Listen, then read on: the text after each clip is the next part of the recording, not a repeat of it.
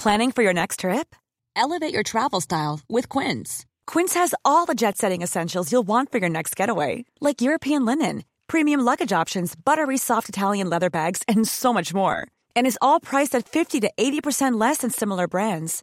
Plus, Quince only works with factories that use safe and ethical manufacturing practices. Pack your bags with high-quality essentials you'll be wearing for vacations to come with Quince. Go to quince.com slash pack for free shipping and 365-day returns. Even when we're on a budget, we still deserve nice things. Quince is a place to scoop up stunning high-end goods for 50 to 80% less than similar brands. They have buttery soft cashmere sweaters starting at $50, luxurious Italian leather bags, and so much more. Plus, Quince only works with factories that use safe, ethical, and responsible manufacturing. Get the high-end goods you'll love without the high price tag with Quince. Go to quince.com slash style for free shipping and 365-day returns.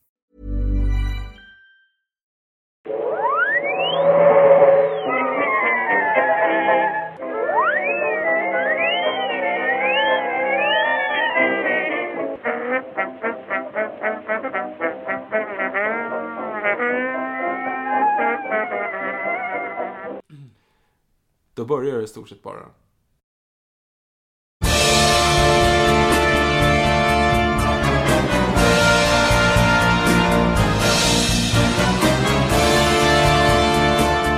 In sleep he sang to me, in dreams he came. That voice which calls to me and speaks my name. I dream again? For now I found the phantom of the opera is here inside my mind.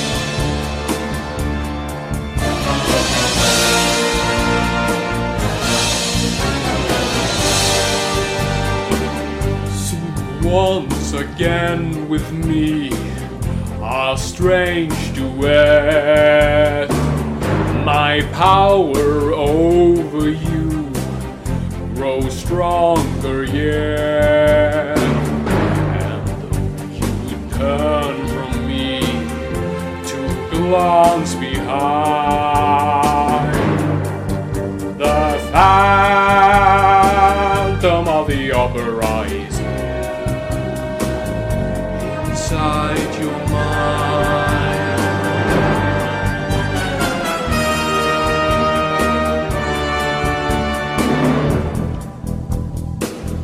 Those who have seen your face roar back in fear. I am that mask you wear. It's me. Your spirit and my voice in one combined. The phantom of the opera is here inside my mind. Sing my angel of music! Nej, nej, nej, stopp. Stopp och belägg. Jag kommer inte köra Angel of Music. Jag kan inte åa mig igenom det där. Jag är ingen... eh, Vad heter det? Inte operett. Vad heter man när man sjunger? Sopran. Sopran. Som Andrew Lloyd Webbers fru var, som han skrev då den här musikalen till. Det var det jag sökte efter, men jag trodde sopran bara var eh, män. Okej, så du är inte min eh, Miss Dae. Jag måste hitta min, min egna. Inte så svenskt namn. Nej, hon skulle ju vara eh, dotter till den svenska violinisten. Ja, som Dae. Heter Dae. D-A-A-E. Ja. Inte helt logiskt. Mm. Hej! Hej! Välkomna till Nörden Jag. Det är jag som är nörden för Och det är jag som är Viktor Det här Engberg. är podcasten där vi pratar nördämnen, nördkultur i slags bildande syfte. Där vi försöker bilda Viktor i saker han tycker om men inte vet så mycket om. Precis. Och den här podcasten är då presenterad av... Acast. Precis. Och för er som uppmärksammade det så var det en liten skillnad gentemot tidigare veckor. Och det beror på att vi har nu inlett ett ah, samarbete med Acast. Och eh, som att hylla det lite grann, eller att utveckla podden, så kommer vi nu att inte längre bara släppa våra avsnitt på torsdagar jämna veckor. Ja, precis. Det är, det är massa ändringar här. Först och främst vill jag bara säga, vi kommer dessvärre lämna Movies in. Som vi vill tacka så jättemycket för. Det var de som hjälpte oss bygga den plattform vi har stått på. Och eh, nu har vi blivit vuxna små fågelbarn som, som så här, lämnar boet kan man väl säga. Eh, och blir uppluckade av en större örn. Eh, ta inte på fågelungen. Då, jo, det är en myt förresten. Det är en myt, jag Det är en vet. jättemyt. Ehm, Att man inte ska ta på fågelungen för att då luktar ungen människa och då frånstöter Precis. mamman barnet. De är vem kom på smartare än den så. där hemska Nej men det är en jättesmart myt för att då vill de inte, barn ska inte ta fågelungar. Smart. Ja, det faktiskt var smart. Det är ju bara såhär, Men nej, det är ju ge fan också i så att här, stjäla ge dem. fan i, nu får du inte hjälpa den. Så det har ju hindrat så många så här, nej lägg inte upp den i boet, den, då, de, de löser det själva, så ligger den där och dör. Ja, det är så. Jag tror att det mest handlar om att vi inte ska stjäla fågelungarna. Ja, men det är det. De här vuxna personerna sa det till sina barn. De där barnen växte upp och är nu våra föräldrar. och lär oss samma sak och de tror att det är sanning. Ja, men det är ju samma sak som att simma inte efter x antal minuter efter att ha ätit. Ja, så det var bara föräldrarna skulle få chilla, chilla på stranden. Men det var inte det vi pratade om nu. Nej, precis. Exakt. Vi har då joinat Acast. Acast, som ni inte vet, är en slags poddkanal. Det är som är poddarnas Netflix. Eh, De har bland annat Värvet, som kanske är den här allra stu- största eh, av poddar. Eh, Och vi är supertacksamma till dem att vi, vi har fått joina och eh, det, det, det kommer underlätta för oss väldigt mycket och framförallt i den mån som du var inne på Viktor, vi kommer expandera lite. Vi kommer expandera. Eh, Ja, vi, kommer att göra så här, för, alla er som, för alla er som är serietidningsfantaster här, precis som och filmfantaster. åtminstone Fabian. Nej men har ju, har Ja, vet ju det. om begreppet Elseworlds. det Just vill det, säga, sant. man, man har en vanlig tidning, som säger, så man vet vad- hur det går för Batman och Precis, Superman. Batman nummer 1, 2, 3, 4, fram till 700 någonting. Precis. Och, Och sen finns det också några grejer som heter Elseworlds, det vill säga Precis. historier Dark som är... Knight Returns, Red Sun, Gotham by Gaslight. De ja. Eh, det är alltså, det vill säga, historier som sker utanför kontinuiteten, så att säga. Ungefär som Rogue One är en Elseworlds, lite grann. Nej, det är det ju inte. Den För- ger ju i kontinuiteten. Ge mig det här nu Fabian. Okej, sorry. Mm, eh, Rebels. En... Nej, Rebels är är också också... inom... Threads of Destiny. Threads of Destiny, en Elseworlds. Det är någonting eh, utanför kontinuiteten så att säga, men ändå som hör till. Och så vi tänkte göra så här, vi kommer ju fortsätta släppa avsnitt varannan torsdag. Ingenting kommer förändras där. Ingenting kommer förändras, men vi kommer även att släppa jäm, jämna veckor. Det är ojämna veckor blir det. Nu har vi ruckat på det eftersom det har gått ett år och det är lite hoppade. Skitsamma, vi kommer släppa varje torsdag. Tanken är att vi släpper ett avsnitt varje torsdag. Varannan torsdag är ett vanligt avsnitt där vi sätter oss ner och pratar nördämnen, nördkultur, så att bildande syfte. Fabian försöker bilda mig i saker som jag tycker om inte vet så mycket om. Precis. Men varannan vecka då, de veckorna det inte är sådana avsnitt, shit vad jag kommer till det här. Så är det avsnitt som heter Elseworlds, det vill säga vi kan prata kring olika ämnen som bara tycker att det är lite kul. Och också då vi kommer ta era frågor. Precis, så vi flyttar avsnitt- frågestunden till dem. Så ni kommer märka det nu. Det är ingen frågestund det här avsnittet, men det är flyttat. I och med att avsnitten blir så helvelusiskt långa. Djävulusiskt och helvetiskt blev helvelutiskt långa. Snyggt. Eh, så att vi, vi kombinerar ihop det där lite grann. Hoppas att ni är nöjda med det. Ehm, Vi är nöjda med det. det. Det betyder att ni får dubbelt så mycket Noipod. Precis. Ni får det varje vecka nu. Nu åker vi. Det kommer bli fantastiskt. Det, kommer också, det ger också möjlighet att klämma in fler DVD-kommentarer. Uh, intressanta ämnen, era frågor. Det, det blir mer utrymme för allt. Men som sagt, vi kommer inte förlora liksom...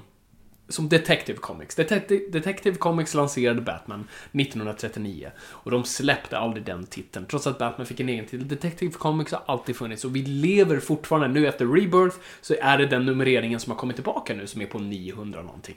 Så att ehm, du ser förvirrad ut, Victor. P- Prosit. Okej. Eh, nej men så än en gång, först bara tack så jättemycket Moviesin. Det har varit ett sant nöje och vi kommer fortsätta göra spännande saker tillsammans. Eh, och så vill vi tacka Acast som, som bara plockar in oss i sin varma famn.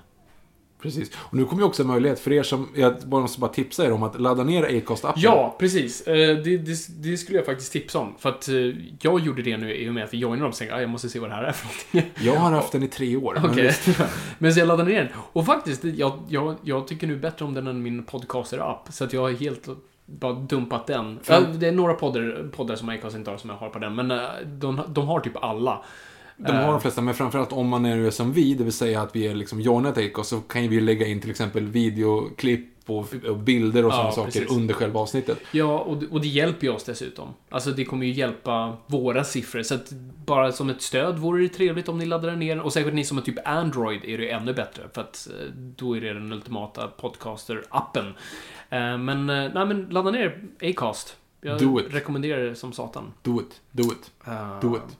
Så det, vi träder in i en ny värld av Noipod. Referenser Starsky and Hutch, men de är inte jättebra alltså. Ben Nej, Stiller. jag vet, varför säger man... Jag gör, drar också den här, den här do it, do it. Och visst, det är så här, ja, nej, det är inte ens kul. Nej, det är inte Men kul. jag har bara Den sitter plockat där. in Den det. sitter där. Ja, ja. ja, den gick på TV för ett tag sedan och den, den är ju inte kul. Alltså, den, den, faktiskt. Den har väl vissa bra segment och skjuter en ponny, det är väl kul.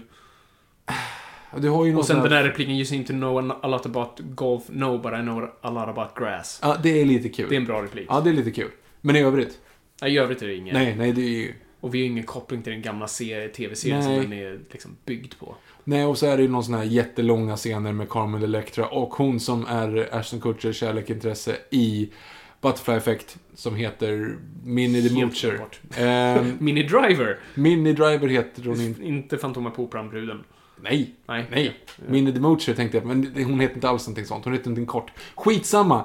Det är inte det vi ska prata om nu. Nej, tror inte det. Nej, precis. Vi, vi, vi ska faktiskt koppla tillbaka till det vi gjorde i början. Det är inte bara vi själva som har gått helt galna på vår egen hybris och tror att vi har eh, en musikframtid. Nej, vi ska prata musikaler. Yay! Åh gud, jag, jag känner att det här kan gå hur som helst. Musikaler, det är det, är det som... It binds us. Surrounds us. It surrounds living us. thing. It penetrates us. Det gör ju det. Alltså musikal, filmmusikalen ska vi kanske specifikt prata om. Eh, det finns ju då musikaler på scen och sånt där. Vi ska försöka hålla oss lite från det. Vi kommer absolut koppla tillbaka till det. Men, men vi ska främst prata filmmusikaler för det är kanske det som ni som lyssnar har lite mer koll på. Och, Och det är framförallt inför La La Land som, som kommer. Precis, eftersom det ska vara lite aktuellt, men, men ändå tidlöst. Jag har ju också strykit Disney-musikaler här. Yes, det, det, det, det sa vi också. För då, då kommer vi hålla på i timmar. Ja, och vi har redan pratat om Disney. Ja, och det kan ni gå tillbaka och lyssna på. Så att, nej, vi har exkluderat Disney-musikaler. Ehm, men så ja, så vi håller oss till, till ren, rent skära filmmusikaler. Ehm, men, men vi måste ju gå tillbaka än en gång, Viktor. Vi måste ju vandra tillbaka till, eh, till där vi började. Och, och först vill vi bara gräva lite i vårt gemensamma förflutna. Vi har ju, vi har ju ett förflutet med musikalisk teater, som man kallar det. Eh, Eh, show och dansskola. Alltså Ja. verkligen en sån här guys and dolls. ja.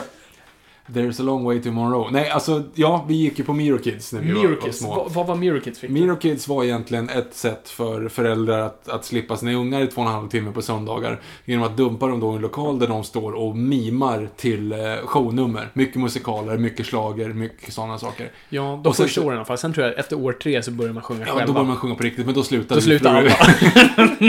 Då blev det lite seriöst. Nej men så att, men det var grejen var att man man höll liksom en sån här, en, eh, ett framträdande då Mm. efter 15 eller 20 gånger så där. Så hade man ett uppträdande och då fick alla föräldrar gå dit och titta på när man hade på sig roliga peruker och, och då uppträdde till de här låtarna man övat på i typ, ja, Ja. 20 söndagar Alltså jättelänge verkligen. För att Ja. mima, du, kom, du behöver inte komma ihåg någonting. Och dansstegen var inte direkt... Jo, hiphop... Ah, vi kommer på Okej, det. vi kommer till hiphopen. Eh, vi, vi kan portionera ut Miro Kids lite grann under hela avsnittet. Vi känner att det, det här kommer ta hundra år om vi inleder med. Jag tror att folk är intresserade av att veta eh, hur riktiga musikalen börjar. Jo, ja, sådär. det ska vi också göra. Men låt oss rycka av det här plåstret först så vi får det Ja. överstökat. Okej.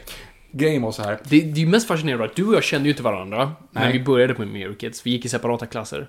Och sen i trean började vi i samma klass. Ja, i vilket det finns att, att vi tre, gick så att säga. tre år. Ja, eh, jag missade dock show 2 för att jag var utomlands. Jag, jag skulle Ah. vara John Travolta i eh, Saturday Night Fever. Oh. Och det hade ju varit sådär. Alltså, för det första kunde jag inte dansa. Jag hade ju motorik som en treåring när jag var tio liksom. men sen så tajta vita byxor. Det hade inte varit så vackert. Så att jag, jag klarade mig. Men jag dodged the bullet där så att säga. Ja. Eh, vad var du i show 1?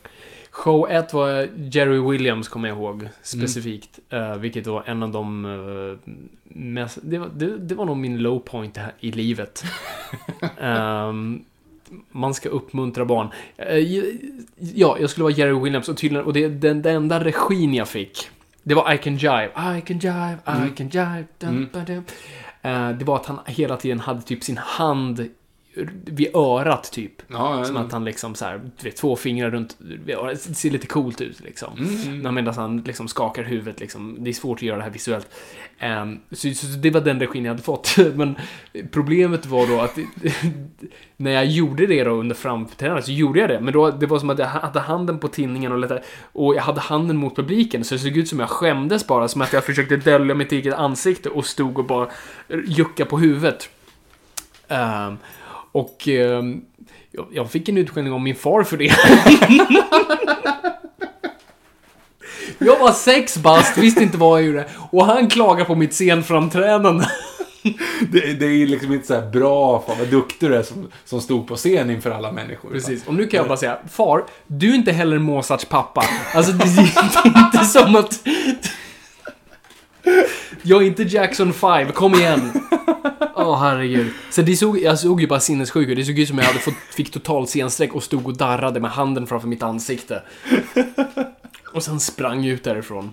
Min syra som jag gick med, hon sprang inte ens ut på scenen för att hon fick scenskräck. Hon skulle vara Carola. Så de bara kastade en peruk på en annan liten flicka som bara sprang ut och stod och bara hoppade på scenen för hon kunde inte låten.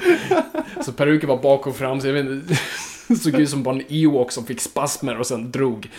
Nej, det var katastrof. Och sen, ja. Ja, jag inledde, alltså överhuvudtaget bara, det är ju ganska, alltså, det är ju lite grann därifrån jag har fått den här min låtskatt i huvudet så att säga. Alltså, om du bara tänker utifrån vilka låtar vi hade möjlighet att sjunga så att säga. Så det, de har ju en show färdigprogrammerad så att säga. Det är ju Yes. liksom 15 låtar och sen ska ungarna bara klä sig ut, ut på scen fort som fan. I 45 sekunder ska de mima till det här och så ut igen och så in med nästa liksom. Och jag inleder med Någonstans i Sverige.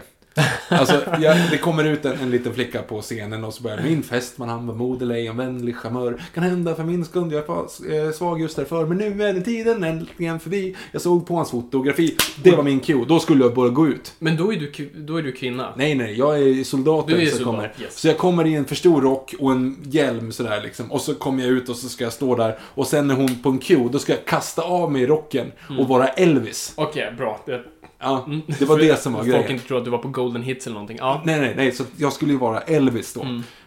Eh, och jag kunde ju inte texten överhuvudtaget och jag hade ju inte sett honom någon gång. Nej. Så det här med att liksom vicka på höften bara... Och, men din pappa är väl. Elvis-fan dessutom? Ja, han hade lite koll. Men han tyckte att det var lite kul för att ja, han försöker i alla fall. Alltså det var ju ändå lite så. Ja, han var uppmuntrande Han i alla var fall. uppmuntrande. Han var uppmuntrande. med- Ja, fint, bra. Nej, och sen så fick inte jag gå upp på scen på typ fem... Jo, jag var Magnus Uggla också. Ja, just det. Eh, och sen så Vilket var skulle- samma gäst som Carola-peruken. Ja, ja, precis. och sen då så skulle det avslutas med att alla skulle köra There's no business like show business Mm, från. Annie Get Your Gun.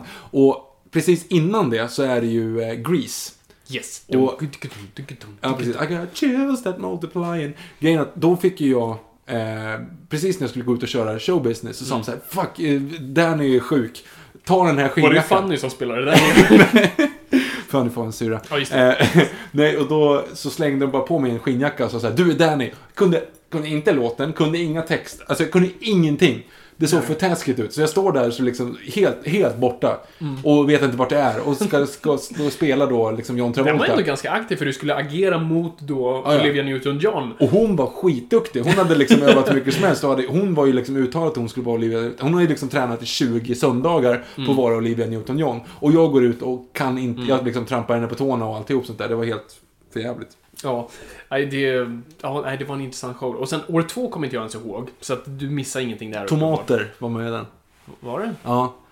Nej, Ja, vi är tomater. Äh, Man skulle ju sjunga själv. helt glömt bort. Ja, Okej, okej. så sen kommer år tre då. Då går vi tillsammans. Ja. Vilket är askul, för då hänger vi liksom. Så att, så vad är det, så vad är det som är, är då för någonting? Gjorde vi någon grej tillsammans? Ja, bestämma gjorde vi ihop. Just det, Ja. kan vi bestämma. Ja. Som, det var någon... Eh, Obskyr, obskyr- självskriven Ja, grej. precis. Skriven för Mirror Kids. Ja. Jag lyckades hitta en bootleg på den skivan. Ja, just det. Ja, jag, har inte, jag har inte köpt den än. De skulle ha typ 150 spänn Och för vi har kontaktat Kids, för de filmar ju allt det här, de sjuka jävlarna. Japp. Eh, och så kunde man köpa då en VHS efteråt, så vi har ju i alla fall en VHS med mig på i alla fall. Då jag står som Jerry Williams, Ja. eh, som är året. Ehm, men vi har inte år tre. Nej. Så att vi har ju faktiskt hört av oss till Mirror Kids och bett dem typ, har de ett arkiv? Precis. De hörde inte tillbaka. Nej, de, hon svarade så åh vad kul att det är gamla Mirror Kids här som hör av sig. De får säkert, Inget svar. De Jag får bara, säkert okej, men- tio sådana mejl i, i veckan av så här äckliga gubbar som säger "Ja, Jag har gått på Mirror Kids, ska jag få den där videoklippen med barnen på? Alltså, du, din fram... ah, Din framställning av hiphopen. Ja, så här, alltså det var ju, det fanns liksom, alltså Moby Dick av nummer var hiphopen. Och för Eh. att beskriva för er andra, jag känner att det här är jätteirrelevant för er som inte var med. Men, eh, låt oss tä- tänka nu att om du är Jerry Williams, då ska du ha en rolig peruk och så ska du stå still och mima till I can jive. Gör inget mer. Det är liksom, det är det. Mm. Och sen, det, de flesta av numren var så. Alltså, stå still, rolig peruk och gör inget mer. Gå av, se glad Mm. ut, få massa presenter av föräldrarna. Men ett nummer var liksom mördr- mardrömsnumret verkligen. Det var ju såhär avancerade hiphop-steg. Alltså, och det var ganska avancerade grejer. Mm. Ja, precis. Jag skulle ha svårt idag att göra det. Ja, alltså helt plötsligt var man tvungen att ha liksom motorik.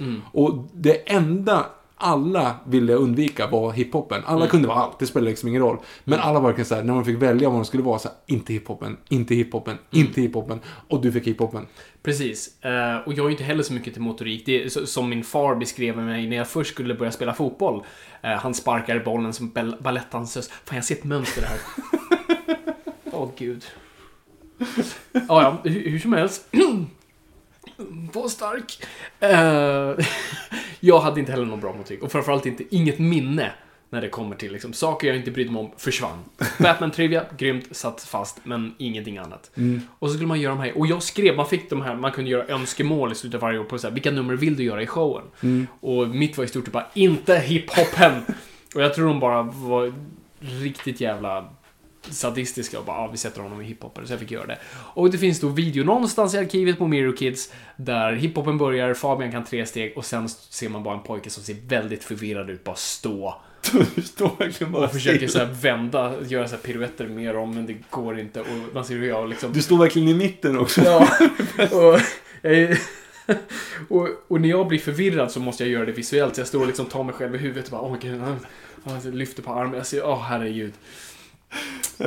Eh, Vi skulle varit där. Min far var inte stolt den dagen heller. Jag kommer inte ens ihåg han var där. Men... Ja. Så, det Så är det. Så är det. Så det var i alla fall vår bakgrund med så här showdans. Så vi har ju det i blodet någonstans. Vi har ju Precis. gillat det här. Ja, gud. Ja. Eh, Men då måste jag fråga, vad är din så musikalkoppling? Vad är din så här... Mm, vad, vad, för Just- vi gillar ju båda musikal. Vi är Ja, musikalfans. gud ja, jag är så supermusikalfan. var kommer det ifrån? Jag såg Kristina från Duvemåla när jag var åtta. Och jag såg Les Misérables när jag var... Nej, sju, tvärtom. Jag var sju när jag såg Les Misérables och åtta när jag var Kristina Duvemåla. Så första musikalen jag såg var Les Misérables. Mm. Ehm, fattade ingenting. Alltså verkligen, det jag tyckte var helt fantastiskt. Men jag förstod ju inte handlingen eller vad man säger. Och den var ju typ tre timmar lång liksom. Mm. Eh, så alla trodde att det här kommer gå till helskotta. Men jag tror farsan somnade. Men jag var ändå liksom vaken och med. Ehm, så det var lite spännande. Mm. All right.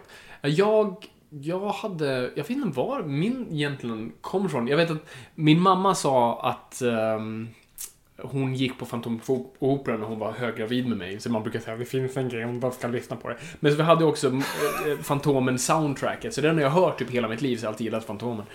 Ehm, på Operan alltså, inte, inte superhjälte. Som jag också gillar, men inte samma person. Det hade varit coolt om det fann, den Fantomen på Operan. Wow! Fast det hade ju Copyright varit, Fabian Olander. Egentligen inte Lee Falk, men fan. det hade ju varit lite, lite antiklimax då när han så tar av sig masken. Så här, ja, du ser, lika, du ser normal Du ut. var snygg. Ja, precis. Oh, nej, det är sant. Ehm, nej, men så, och och jag gick på så här Göta Lejon-shower med mina föräldrar och ingenting så här som jag kommer ihåg skarpt så. Men såg mycket musikalfilmer som barn. Disney-filmer har ju format en Gud ja. eh, till att bara gilla liksom, den slags musik. För det är ju det man ska, när vi, det är det som var så fantastiskt, när vi växte upp på 90-talet, de som gjorde musiken till både Skönheten och Odjuret och Lilla Sjöjungfrun och Lejonkungen, ja det är ju Elton John. Men det var ju musikalpersoner, det var ju Broadway-människor. Så det, det var ju exakt samma grej som Broadway-musik. Och det är där det satt sig. Och nu liksom, jag, jag älskar musikaler, både filmer och sen, sen när jag var i London då skulle man gå till West End. Eh, och jag såg nu Fantomen på Operan när, när Peter Jöback gjorde den här i Stockholm och sånt där. Så att eh, jag, jag är ett fan. Coolt. Yes. Eller coolt, men jag vet.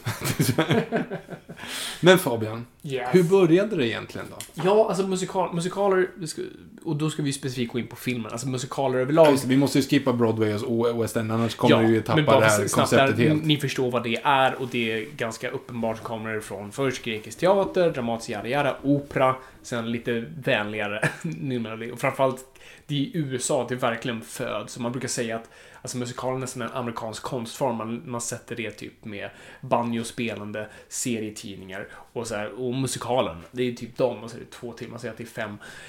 Um, så att am- amerikanerna verkligen piffade till en konstform och gjorde den till sin egen och där blev Broadway en Broadway och britterna tog sen lite över det med sin West End och sen på 80-talet gjorde de liksom en revansch med Le Mis och, och Fantomen och, så, och sånt där. Men sen har vi då såklart det är Ove som låter i bakgrunden. Ove låter i bakgrunden. Hej, oh jävlar han klättrar. Ja, jag vet. Han försöker dansa nu, eller så försöker han bara ta sig ur för Jag att tror vi han ska sjunger. ta sig härifrån för att vi sjunger. Han ser ju panikslagen ut. Ja. Jesus Christ. Ja, nej men alltså, för det första. Musikaler är ju så fantastisk, alltså det, det är ju så byggt för film. För du, det bygger på liksom en balans mellan ljud och bild. Bild är objektivt, ljud är subjektivt.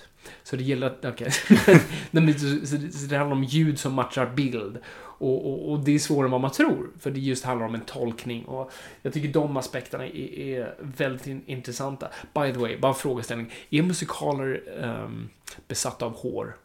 Hår. Grease, hairspray, hair. Les Misérables, Fantomen på Operan, Mamma Mia, Moulin Rouge. Ja, de har ingenting med hår att göra. Nej, tycker det bara- finns tre Det finns tre hårfixerade. But I'm just putting it out there. Men Grease är väl egentligen inte ett hår. Hår- Grease är ju, är ju eh, det själva inte är ett vaxet. hår, det är ju vaxet, men det är ju något, och hairspray är också någonting du har i håret. Ja, som det- andra ord så är det ju inte egentligen inte riktigt hår. Nej, men det är, Det är ganska frisyr, hårfixerat. frisyrhjälpmedel. Okej, frisyrfixerat då. Ja, Är det okej? Frisyrfixerat, det, det kan jag hålla med om. Ja, det är det Fabian. Okej, kul, tack. Eh, ja, nej men eh, musikalen går ju nästan längre tillbaka än ljudfilmen gör. För att egentligen varenda stumfilm som gjordes var en musikal. När man tänker för det, de var, trots att man säger stumfilmer, stumfilmer var aldrig tysta. Var, man gick aldrig till en biograf och det var helt knäpptyst. Ehm, utan det var ju liksom någon som antingen satt med piano eller som hade med en liveorkester. Och det var ju en jättestor grej, för det ledde ju storyn. Det ledde ju hur, liksom, hur man... För du kunde ju leverera repliker, känslor. Visst, du kunde agera och försöka förmedla en känsla, men musiken var det som bar det. Så det var egentligen musikaler på så vis. Och du kunde fortfarande dansa. Alltså, en stor grej med Birth of a Nation var just... Whoops.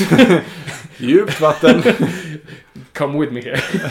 Nej men, eh, den hade just, när, när, när hjältarna då som de porträtteras i den här filmen, Ku Klux Klan, disclaimer, ej hjältar på riktigt. när de ska då rädda amerikanerna från, ja, då, då spelar de ju den här, vad är det, Flight of the Valkyries. Ja. Eh, Och det var tydligen en jättestor så här, dragningskraft för publiken. Så, wow, den sekvensen, gå och se den. Det är det bästa du kommer se. Det ska du berätta för dina barnbarn om. Och de gjorde det då, för de fick aldrig mer följa med på julmiddag igen. Precis. Exakt. Men, så hur som helst, så, så stumfilmen på något vis är fortfarande musikaler nästan till, till stor del. Men sen får vi ju då ljudfilmen. Den första riktiga stora ljudfilmen är ju The Jazz Singer från 1927. Och vad är det för någonting? En musikal. Det är en musikal, för att det var ju det bästa sättet att visa hur ljud skulle låta. Alltså, bra, vi, har vi ljud bra, då gör vi en musikal. Man förstod ju inte, alltså, Takis ansåg ju precis som alltihop var en fluga. så att precis som på 3D-grejen, så här, vi måste ju verkligen göra någonting av den här 3D. Saker flyger mot skärmen, saker bara... Och precis så gör man här. Okej, vi har ljud, så vad gör vi med det? Vi kan ju inte bara prata. Nej, vi måste sjunga, Vi måste ju det hända sjunga. någonting. Så The Jazz Singer kommer. Och blir en sån satans sensation. Och du har ju sett uh, Singing in the Rain. Och det är i stort sett det som händer. Det blir ju liksom... Ja, den handlar ju om det. Ja, och det blir en sån pass stor eh, sensation så alla studior bara scratch the record, stanna alltihop, nu måste vi göra allt till musikaler. Så att de bara pumpar ut ljudfilmer, musikaler för att liksom marknaden nu är helt liksom cray cray för jazzinger. Så där börjar liksom, där föds i stort sett den största liksom åldern för musikalen och nästan, alltså all film som görs är nästan musikaler. Det blir en jättestor grej. Så att hela 20-talet dominerade.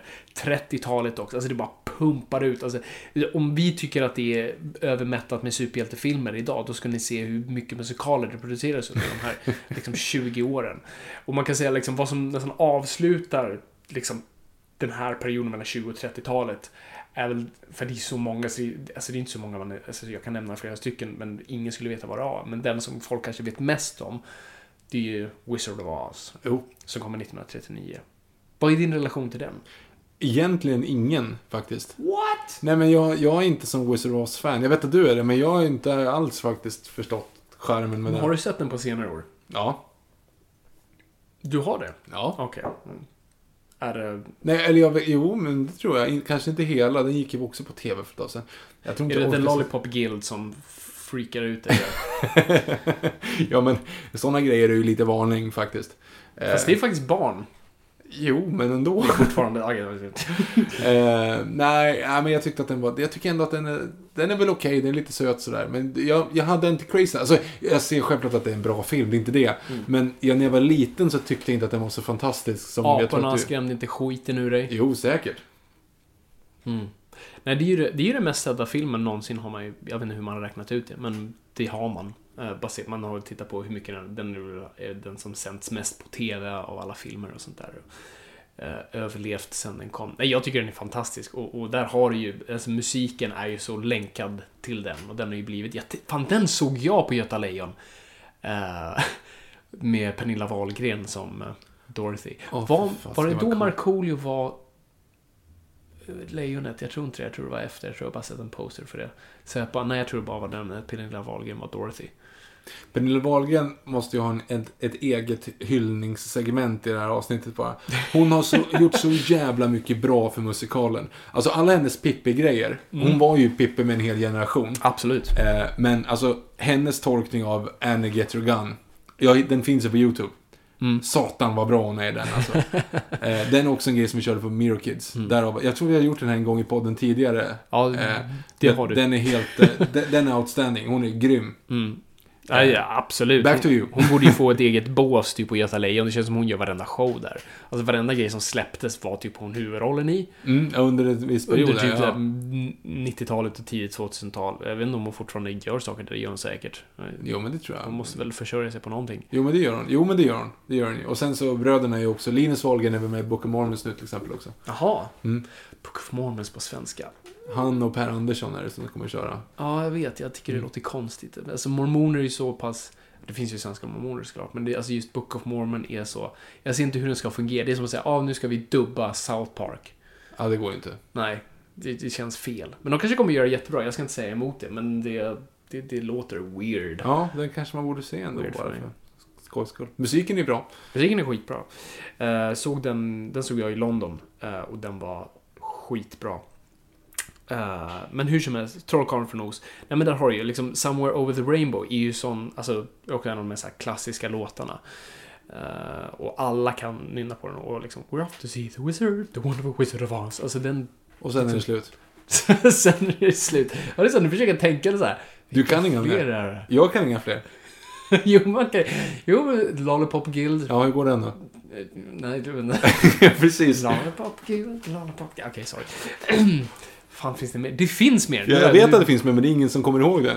Jo, och sen... Jo, precis. Det finns... Nu kommer jag inte ihåg dem för.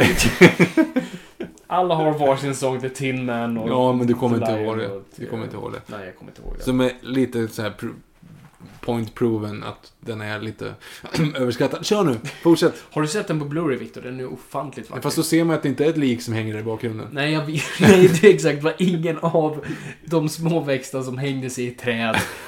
Och varför skulle de inte säga hmm, vad är det där? Äh, låt, vi tar ner honom sen. Det är lördag.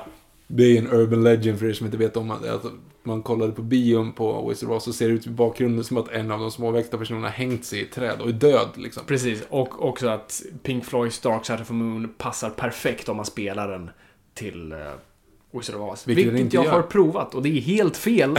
För det första är Dark Side of the Moon bara 42 minuter och ja, det är inte lika långt som filmen. Mm. Men det är massa myter kring den där grejen. Eh, Men när man ser den på Blu-ray då så ser man att det är väldigt tydligt att nej, det där är en målad tapet. Precis.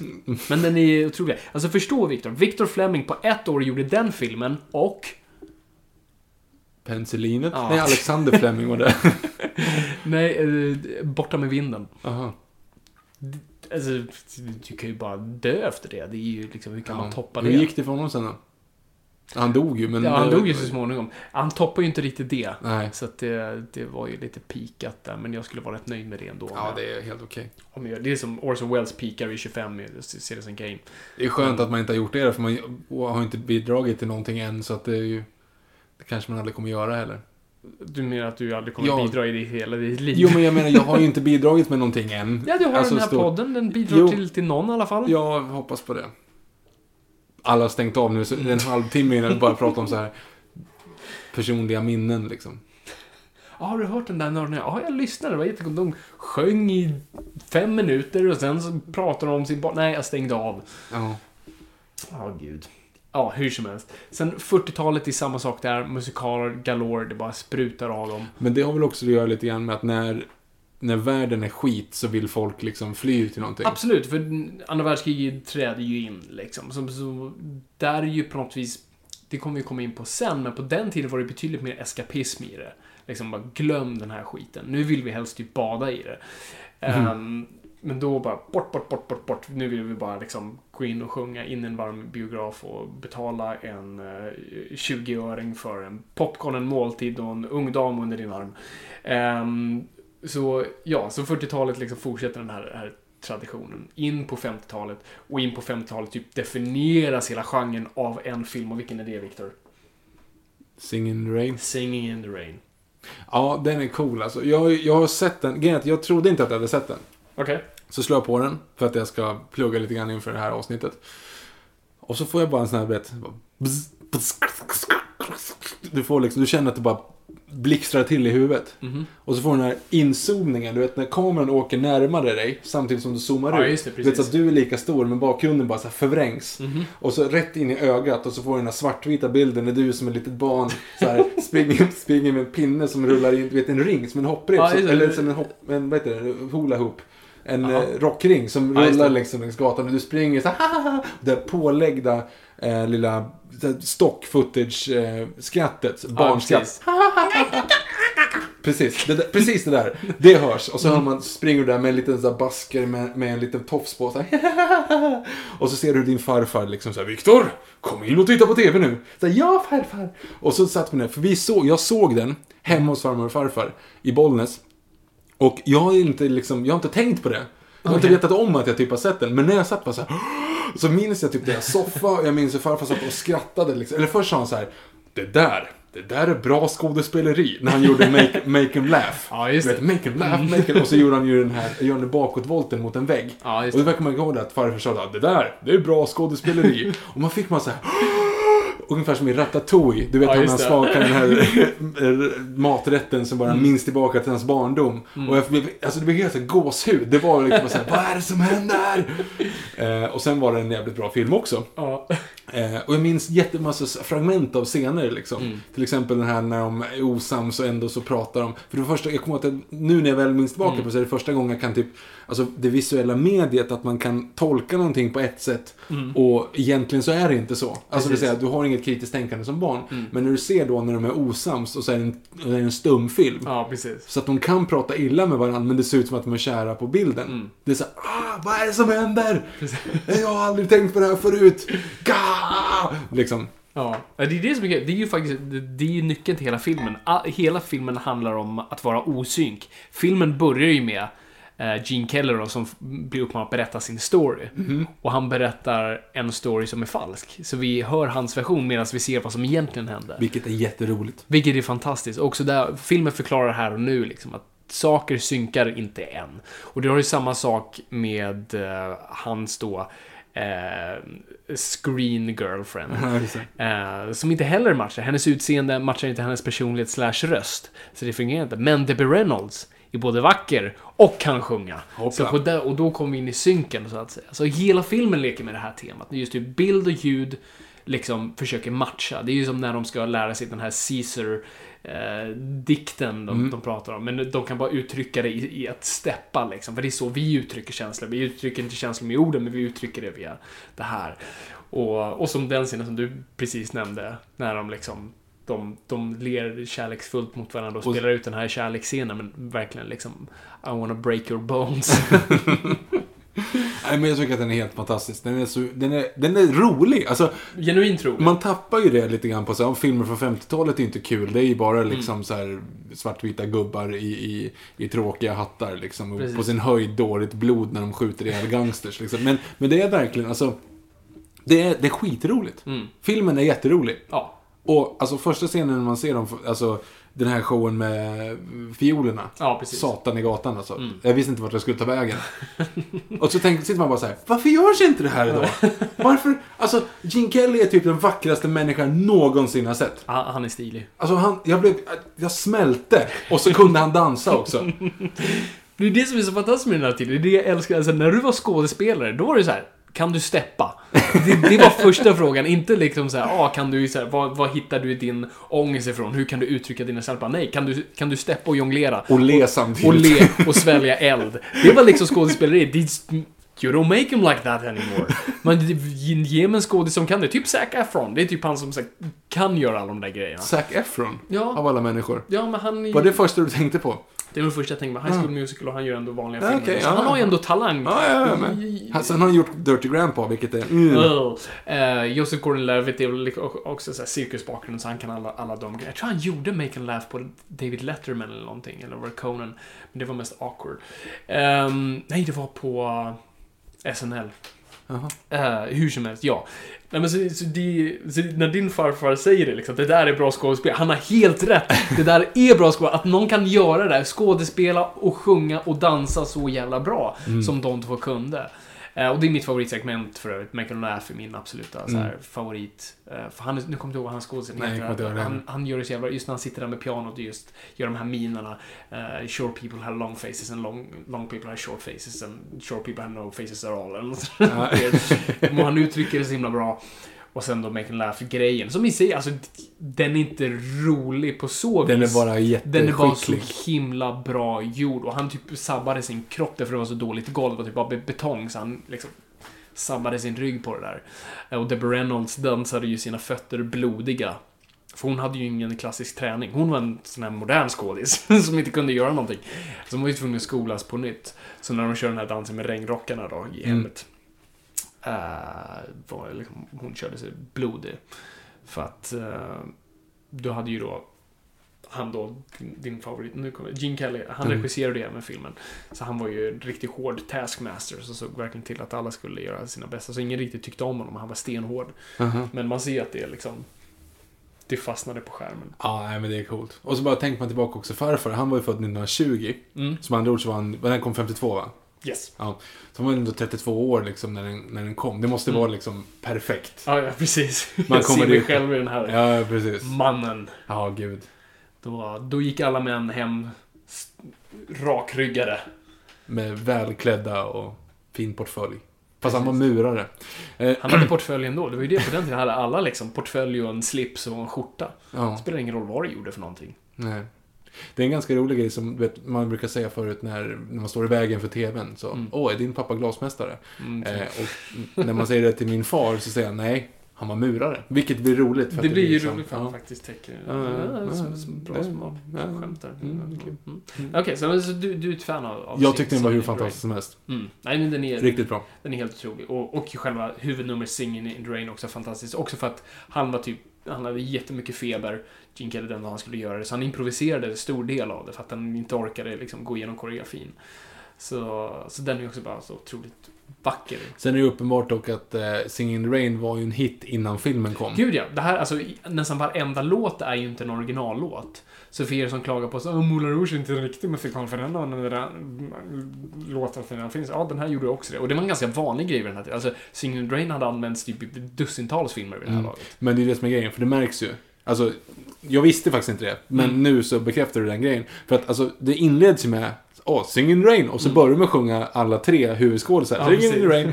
Och sen när de ska typ öva på att sjunga mitt i filmen, då sjunger de också Sing in the Rain. Mm. Och sen så sjunger Gene Kelly Sing in the Rain när han går i regnet och faktiskt sjunger. Precis. Så att låten sjungs tre gånger. Det är verkligen så här. Och folk hade ju inga, varken CD-spelare eller Spotify liksom. Så det, de gick ju dit för att lyssna på låten. Och då Ja, fick de den tre gånger. Det var bra liksom. Det var den de ville ha liksom. Och på samma sätt, Elvis gjorde precis samma sak. Han, de, han släppte en låt och sen så gjorde de en film på det. Precis, och det är väl också under den här perioden, under 50-talet. Ja, alltså, för det är ju det är liksom musikaler. Vi pratade om honom lite innan, men det är ju fortfarande så jävla kul att man gjorde de här musikalfilmerna byggda runt hans nya hitplatta.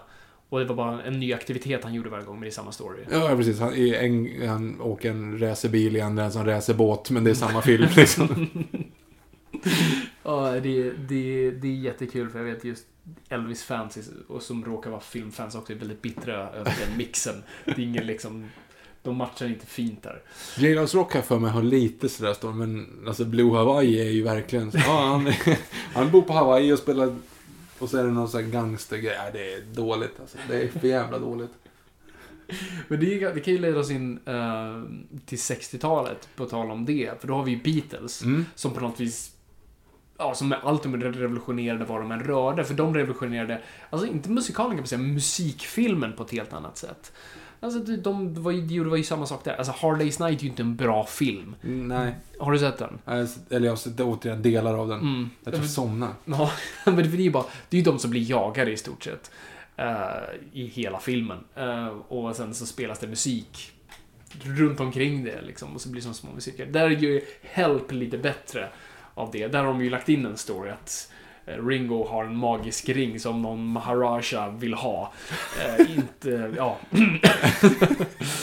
Eh, Det funkar väl sådär, men den är fortfarande väldigt charmig eh, och den har fantastiska scenerier. eh, Som man klipper till deras hem där de tydligen då ska bo. För de bor ju ihop såklart, för det ska vara Beatles. Och otroligt bra scenografi. Har du sett den Sven, Sven som gjorde samma sak? Nej, det pratar vi inte om den sist. Jo, precis. När de gjorde en, en cowboy, cowboyfilm. Mm. Och så sjunger de... Den ska utspela sig i USA. Skit i det. Fortsätt. Nej men 60-talet börjar ju se, nu börjar den här genren svaja lite. Nu blir det inte självklara hits varje gång, utan man börjar, det börjar bli hit and misses. Man börjar säga, okej det här funkar, men varför funkar inte det här? Så du har Sound of Music som kommer, jag tror 65. Japp. Eh, som blir liksom en megasuccé. Och sen så försöker man släppa några andra som typ eh, Dr. Dolittle var en musikal. Eh, Francis Ford Coppola gjorde en som hette, vad fan hette den? Eh, Finians Rainbow, något sånt där. Eh, Vi, Tokfloppar. vi kan podda utan Google. Vi kan podda utan Google. Men du, det är ju någon till sån där som är den kända. Är det som, som blir riktigt flopp också? Någon st- superstor satsning efter Sound of Music. Det kanske, om det är Music Man. Nej, Music Man kom innan. Jag kommer inte ihåg. Om det, den, he, den heter ju någonting som är jättelogiskt. Fy fan vad dåliga vi är som inte googlar. Ja, googla sen någon gång. Musikaler kom säkert Som typ floppar. 67 eller något sånt där. Mm. Som verkligen bankruttade hela, hela filmen. Om det var West, inte West Side Story. Det är någonting liknande den heter. Skitsamma. Ja, nej men precis. Så det, musikalen började dö ut för att egentligen plockas upp av jukebox-filmen. Så Beatles inspirerar egentligen inte till att göra fler sådana där filmer, utan snarare ha ett hit-soundtrack Mer populära låtar som kidsen gillar. Uh, och också Vietnam kliver in, så att det är ju inte liksom den här, Och då är vi lite mer i modern tid där man inte riktigt vill fly från, utan snarare så här, varför vill du fly från någonting? Alltså det är snarare att inte titta på problemet. Så man vill ju inte ha den här Hallå, oh my god, hans ben brinner. Uh, alltså du vill inte ha, du vill liksom inte ha de mixarna. Men, uh, ja, så, men, men vi har ju framförallt Sound of Music. Japp. Som är väl kanske, jag tror i alla fall i svenska mått, typ den mest älskade musikalen. För den spelas varje år, det är runt jul där någonstans. Eh, om det är nyårsdagen, nej då är det, då är det Ivanhoe. Ivanhoe nyårsdagen. Eh, då Jag tror att det är juldagen, eller Juldagen. annandagen. Ja, precis. Då, spelar, då kollar alla på Sound of Music. Och det är ju liksom... Det är den mest klassiska musikalen här. Vad, när, vad har du för minnen av den? Nej men jag har ganska många minnen av just Sound of Music. Just för att den har varit runt jul. Men sen så hade vi en eh, musiklärare när vi gick i, i fy, trean eller fyran Yes. på Europaskolan. Som var helt besatt av Sound of Music. Mm. Ja, nej gud ja. Det enda vi fick göra var att sjunga Sound of Music. Yes, massa Edelweiss, massa... Alla de där låtarna. Typ Och- ett helt år. Jo, jo, jo, och det verkar som att hon liksom inte... Det enda vi gjorde var att lära oss typ de texterna. Det, det var jättekonstigt. Mm. Att de inte liksom lär oss spela musik, spela ett instrument eller höra någon historia. Nej, nej, nej. Sound of Music. Stå med en maracas och måste säga, med en sån här gurka liksom. Edelweiss. Ja, gud. Men däremot så, jag är inte så, alltså jag har inte sett den på jättelänge nu. Det enda jag kommer, Christopher Plummer är cool. Han är skitcool. Det är lite sådär glättigt och fint med tanke på nazi, liksom, Ja, referenserna. Men Ja. Mm. Men du, du kommer inte ihåg... Kommer du ihåg några av sångerna? om du sätter igång mig så. You wait little girl on an empty stage for fate to turn the light on. Your life, little girl, is an empty page that men will want to write on. To right on. You are 16, going on 17, baby, it's time to think. Better beware, be canny and careful, baby, you're on the brink. Totally unprepared are you to face a world of men. Timid and shy and scared are you of things beyond your kin. You'll need someone older and wiser telling you what to do. I am 17, going on 18. I'll take care of you. Så du menar alltså att... I am 16, going on 17. I know that I'm naive. Fellows I meet may tell me I'm sweet, and willingly I believe. I am 16, going on 17, innocent as a rose. Bachelor dandies, drinkers of brandies, what do I know of those? Totally unprepared am I to face the world of men. Timid and shy and scared am I of things beyond my ken. I need someone older and wiser telling me what to do. You are 17, going on 18. I'll depend on you. Det, det, den, Gud vad den är hemsk, det, är den väl, texten. det är väl den feministiska kamplåten antar jag. Alltså den är ju, det handlar ju bara om att hon, hon är kvinna och kan inte ta hand om sig själv. Vad jag, vad jag främst tycker är kul med, när man bara så här analyserar den är ju liksom så här, det är en kärlekslåt med en nazist som försöker värva en minderårig. Ja, men det, ja, och det är helt, det, men gud, ja, alltså, jag har inte riktigt tänkt på det, men vi fick ju sjunga den där i skolan. Exakt, det är liksom den ultimata nazistkärlekslåten. Det är, det är stackars publiken där, för de, de, de sätter inte upp det väl, för tjejerna måste bara smalt när de såg honom. Bara, åh, gud vad han är, åh herregud, han kastar in barn i ugnar. Ja, alltså, innocent as a rose, bachelor dandies, drinkers of brandies, what do I know of those? Alltså, totally unprepared am I to face the world of men. Innocent, scared am I of things beyond my... Alltså, det, det, det är fel på så många vänster. Det enda hon är, hon är rädd för att träffa män, för hon vet inte hur hon, hur hon ska bete sig kring Han sjunger ju Your life little girl is an empty stage for fate to turn the light on. Du kan inte göra någonting själv. Precis. Your life little girl is an empty page that men will want to write on. Ah, gud. Tolka den, Freud. Åh, herregud. Ja, det... Ja. I need someone older and wiser telling me what to do. Ja. Men det är den bästa låten! Ja, det, ja. Jag, det är därför jag kan den. Ja, den är typ min favorit och sen typ Do Re Mi Fa So La Di. Ja, men, nej, jag, jag faktiskt, nu blev jag lite deprimerad för att jag tänkte, alltså, det är ju verkligen så. Man lär ju barnen att, ja men, han är nazist. Nu, Låt nazister ta hand om dig. Jo, för han säger ju att han ska in i armén. Ja, ja, gud ja. Ja. absolut. Och sen kommer han ju tillbaka där med sin... Men då, han har inte naziuniformen visserligen när han sjunger. Nej, då har han typ sin... Men det är det så, han har sin fina lederhosen eller vad han nu har. Eh, och sen kommer han tillbaka i naziuniform. Det är ju snack om att bara så, dra mattan under... Whoops. Ja, det var tonårstjej bara... Ja. Ja, Nej, men det är bra, för de ska ju inte behöva lära sig att man inte kan göra någonting själv om man inte har någon som är äldre och visar, som visar hur man ska bete sig. Precis, är, du har två val. Antingen det eller bli nunna. Nej. Nej, det finns Alltså, de, Maria är ju ett praktexempel för att vara fri och ta, ta egna beslut och sånt där. Men ja, filmen vänder sig lite mot det där i mitten. Skojar du? Ja. Men den är bra hur som helst. Jag gillar Sound of Music. Vem gillar inte Sound of Music? Ja, ja. Jag kommer ihåg att din far inte tyckte om den. För att vi satt och kollade på någon... Var någon- jag med i den, eller?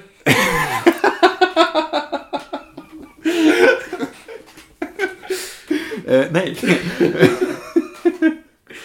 nej, men jag kommer också en sån här flashback. Eh, vad jag tänkte på nu. För det var också någon sån här på typ nyårsdagen, eller vad fan det var, juldagen.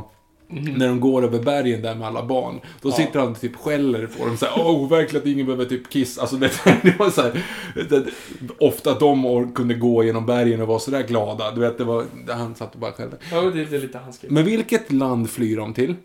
Jag har inte sett den på ganska länge. Berlin.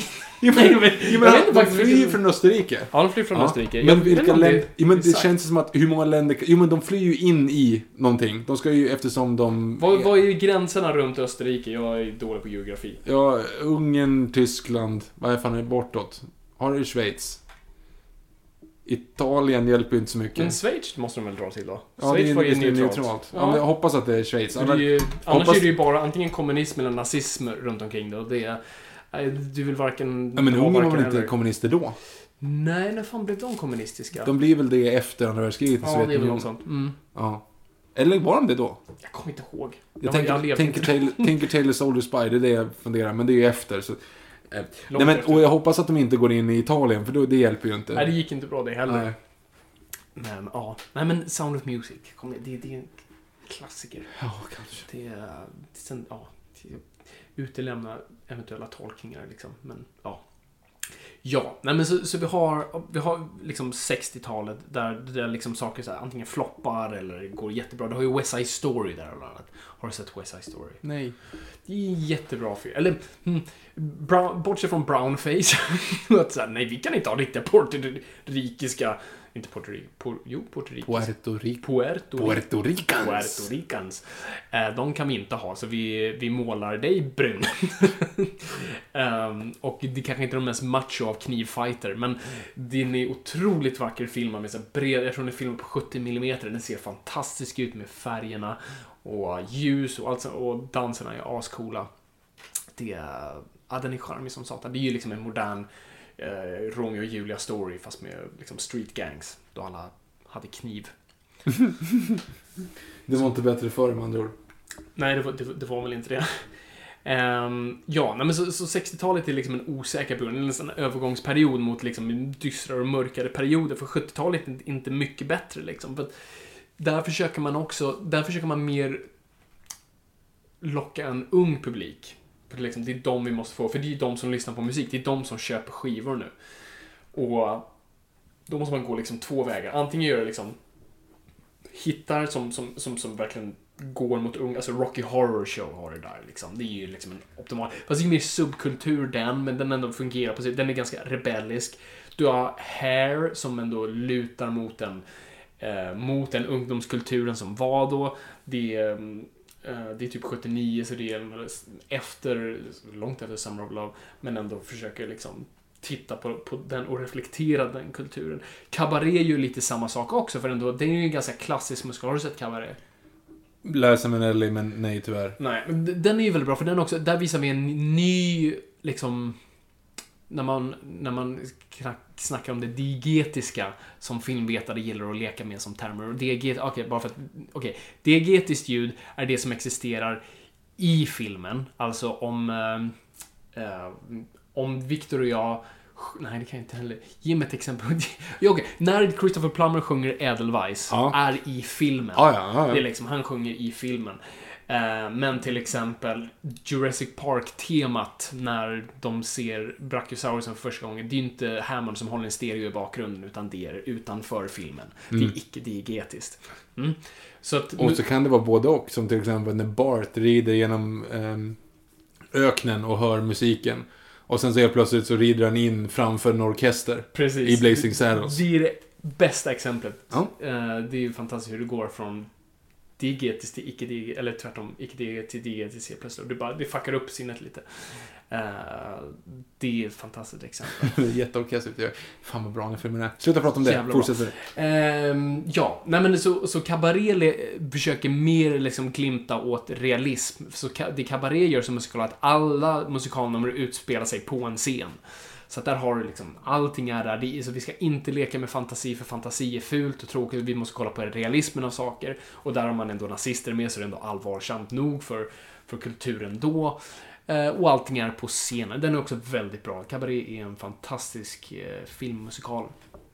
Ehm, nej men, och sen, men sen kanske det mest klassiska som kommer härifrån, som kanske inte, som också försöker flirta med en ungdomskultur och lyckas vis, men kanske inte matchar med stämningen som är dem, men går ändå bra. Det är Grease från 1978. Det är väl den mest inkomstbringande musikalen någonsin tror jag. På film. Filmmusikalen. Jag Ja. skulle nog tro att det Nej men det är det. Mm. Jag kollade Box Office Mojo Okej. innan. Ehm, den och Les Mis eh, ligger där uppe någonstans. Och sen är väl La La Land på G liksom. Mm. Även ehm, eh, Bridget Jones och Enchantress, eh, Entrapment, eh, Intolerable Cruelty, Jaha, jag... Zorro. Vad heter hon? i Chicago. Precis. Eh, Den var också där uppe någonstans. Mm, precis. Ehm, ja, nej men eh, Grease, alltså jag älskar Grease. Ja, det är jag också. Jag hade, alltså, Grease såg man jättemycket ett tag. Ja, jag hade en Grease-period eh, som var, varade lite för länge. Eh, jag har ju då, som sagt, uppträtt som John Travolta på scen då. Men det var ju innan jag hade min Grease-period, så att jag hade ju ingen aning om vad det var jag gjorde för någonting. Mm, mm. Eh, och så låter det ju inte skitenkel heller om man, om man inte kan den. Vilken då?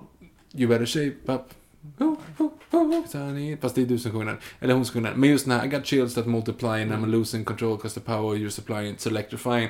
Försök att mima det om du aldrig hört det förr. Mm, det är ganska, alla låtar är ganska så på, så liksom Grease Lightning och alla de Ja. där. Så det är ändå ganska rappa ord. Mycket text. Mycket text. Gud, jag- och Grease kör ju den mest manliga kramen i filmhistorien, tror jag. Den här klapp, klapp, klapp, klapp, klapp, klapp. Ja, det är liksom Ja. John Travolta och hans polare. Vad fan heter den karaktären? Eh, Rizzo, Rizzo, är hans nej. tjej. Han heter... Något på G. G.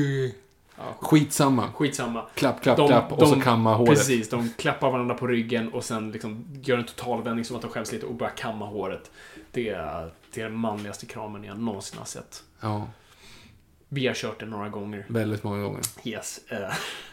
Men är fantastiskt. Alltså alla låtar där är... Där, Nej, alla låtar inte bra. um, Det rosa håret inne på restaurangen när den här jävla Guardian Angel kommer ner för trappan. Ja, det är den spolar jag alltid förbi. Och även eh, Hopelessly Devoted for You. Ja. Efter halva låten är det såhär, oh, okej, vi förstår vad du snart tar på dig skinnbyxor. Ja, alltså det, det, de skippar man. det, det är sant. Eh, men resten är skitbra. Mm, mm, mm. Craziest word. Ja, fan. Fan vad den, Nu läser jag om den. Mm. Det är, Travolta är charmig som satan Ja. i den. Och, mm, det är skitbra. Nej men så, så, så 70-talet liksom talar, försöker liksom flirta med ungdomskulturen. Så att de lyssnar ju på plattor. Ehm, Plattor som är, för er som är lite yngre publik, så är det ungefär som Spotify, fast man hade mycket färre låtar och det var mycket dyrare. Ungefär så. Ehm, och sen då kliver vi in 80-talet. Och där, alltså, för att gå till en annan Olivia Newton-John till en annan. eh, så, så inleder ju 80-talet med, med en fantastisk musikal som då ska pusha henne en gång som en stjärna efter Grease. Och det är ju Xanadu. Har du sett Xanadu, Victor? Nope. Det är, det är Thor, fast med Lu- Olivia Newton-John och Va? grekiska gudar. Det, och, och istället för att hjälpa människorna så ska Thor sätta upp en, ett rollerblade, ett disco. Åh oh, gud. Det är plotten. Och jag är väldigt kluven med den här filmen, för den är sämst. Alltså det, det, är, det är alltså Supergirl på den här Ja. nivån. Men soundtracket är gjort av Electric Light Orchestra. Så jag är kluven. Hette En inte... av världens bästa band, en av världens sämsta filmer. Ja. Men det är väl ungefär som, som Queen och ehm, eh, He-Man-kopian. Flash Gordon.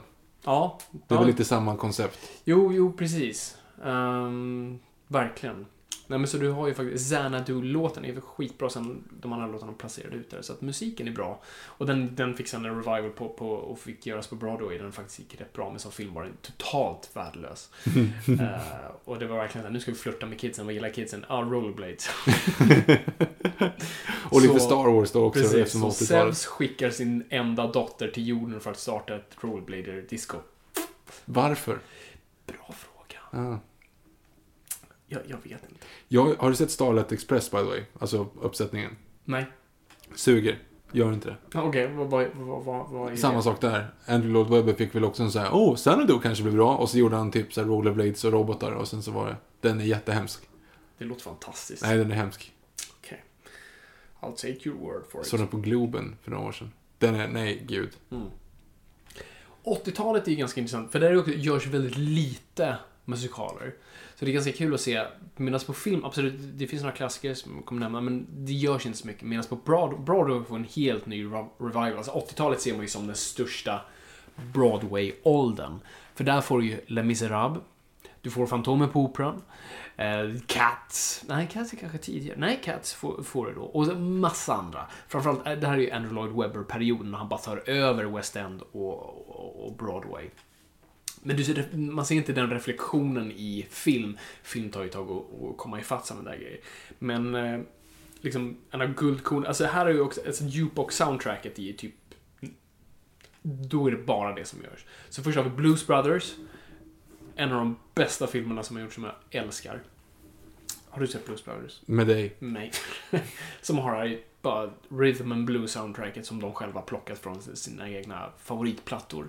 Eh, och sjunger sig igenom liksom en, en bra story. Jag förstår, har den satts upp? Vet någon om den har satts upp på Broadway eller off-Broadway? Det kan den väl inte skulle- göra med sån, den typen av musik? Ja, det göra? kan ju. Det blir bara dyrt. Ja, jo. Men det går. Det har ju gjorts med andra projekt. Typ Mamma Mia. Typ Mamma Mia, precis. Eh, och på tal om det, med sådana grejer, så får du ju The Wall, Pink Floyds The Wall. Jag vet inte om jag skulle säga att det är en musikal, men det är det ju. Alltså det är ju liksom en film med musiken och folk sjunger den. Ja, Det, gud. det, är inte så, det är inte så mycket hallå. Mörkt och fabriker och slakt och... Ja, precis. Barn faller in i köttkvarnar och Mm. massa mysigt. Eh, Men den är värd att nämna. Den är Spinal Tap kommer också 80-talet va? Spinal Tap är på 80-talet, exakt. Det borde ju vara en musikal för att den är också Jag skulle absolut tolka den som en eh, musikal, helt klart. Alltså, visst, folk skulle kanske mer sett den som dokumentär och konsertfilm, men jag ser absolut att det är en musikal. Alltså, så jävla bra. Ja, vi säger det nästan bara jag. Jag vet. Men se Spinal Tap om ni får chansen.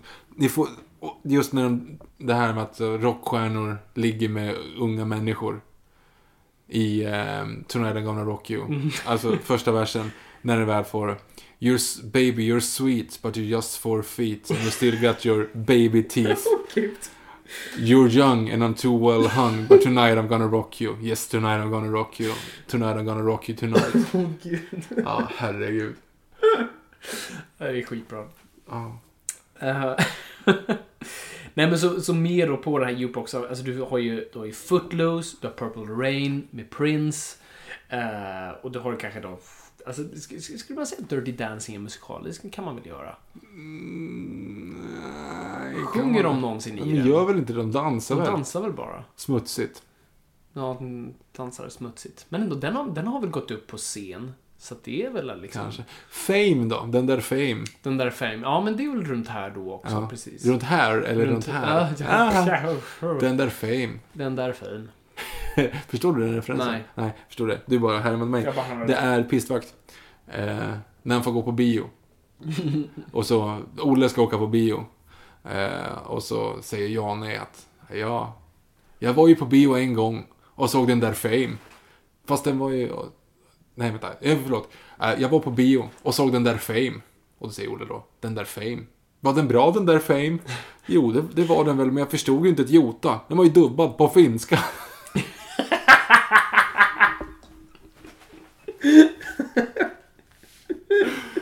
Och så kommer då Olle, liksom åker över typ massa berg och så här för att gå på den här jävla bion i i församling, församlingshuset i Råbax. Och så är det just den där Fame på finska också.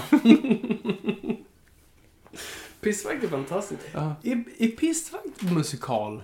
Nej, de Som serie. sjunger väl lite grann. Alltså, de sjunger väl, Det är de mycket dansar. dansare. De dansar. Och sen gjorde de ju turné efteråt när de faktiskt sjöng. Ja, och det gör de ju inte i serien egentligen. Nej.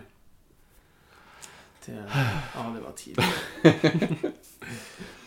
Men, om vi går in på 90-talet då. Alltså, film är fortfarande inte kommit fatt Broadway, men nu börjar Disney få en revival. Och Disney börjar sno folk från Broadway. Så, goes without saying, 90-talet, alla Disney-klassiker som, som, har, som är då med Lilla Sjöjungfrun, Skönheten och Odjuret, Lejonkungen, Pocahontas, jara, jara, jara, jara. Du har hur mycket som helst som, som kommer då. Och egentligen det som dominerar musikal duken så att säga. Det är egentligen inte mycket som görs på 90-talet, knappt någonting alls om jag ska vara för riktigt ärlig. Jo, typ Blues Brothers 2000. Superflopp va? Eh, yes. Uh, lämnar en lite av en stämning som efter typ en avrättning. Oj. Lite så här. Men kommer inte den 2000 om den heter Blues Brothers Jo, men det kom 2000? 99. Ja, okej. Så det är liksom så precis på, Mm. på gränsen. Men vet du vad som också kommer 99? Ba- Matrix? Ja, det gör den. Matrix kom, kom, kom uh, Oh, eh, Disney, nej inte Disney dinosaurier.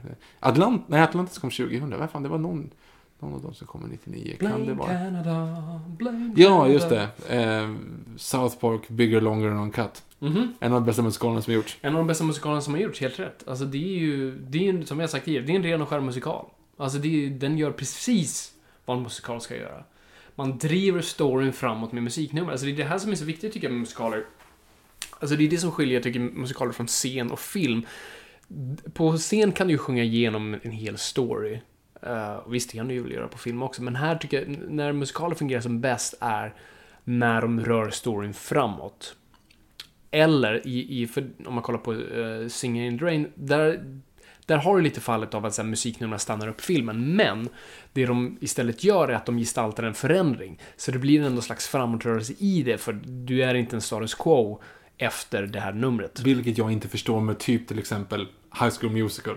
Då är det så här, vi ska spela baseball. Oh, baseball, baseball, baseball, baseball, baseball. Så, oh, we, everybody loves baseball. Och så är det slut. Precis, Och men där så, har du ju åker vi- stannar upp. Och nu ska vi åka bil. Yeah! Åka bil, åka bil, åka... Alltså det är liksom, det, det händer ingenting. Det är bara, de tar random grejer ur dagen och alla dansar och är snygga och vackra och har stora leenden. Mm, precis. Zac jag. Efron. Ja, det skulle vara det.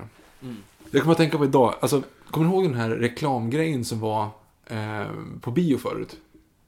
Alltså, vi var på Bamse, no shit, nu i helgen. Eh, Bra! Ja, hur? gå och se Bamse allihopa i biografer nu. Ja, och då var det ju bara så här på SM, nu blir det bioreklam. Ja, just det. Det var en bara- längre grej förut. Ja, och då fick jag bara en sån här flashback. Va? Det var ju en, en grym sån där förut.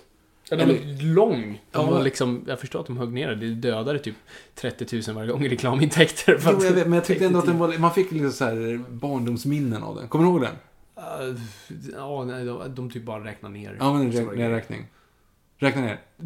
10. En sovsäck av äkta svensk papper. 9, Tänk om de skulle börja trängas med kreti och pleti. 8, Öj. 7, Det var så lagom roligt. 6, Urfånigt. 5, Nu är det fem öre billigare.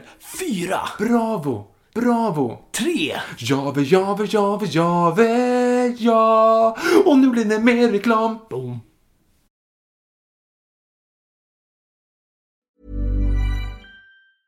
Ready to pop the question? The jewelers at BlueNile.com have got sparkle down to a science with beautiful lab grown diamonds worthy of your most brilliant moments. Their lab grown diamonds are independently graded and guaranteed identical to natural diamonds, and they're ready to ship to your door. Go to BlueNile.com and use promo code LISTEN to get $50 off your purchase of $500 or more. That's code LISTEN at BlueNile.com for $50 off. BlueNile.com code LISTEN. Planning for your next trip?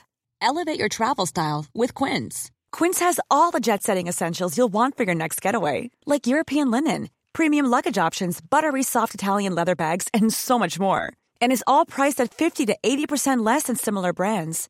Plus, Quince only works with factories that use safe and ethical manufacturing practices.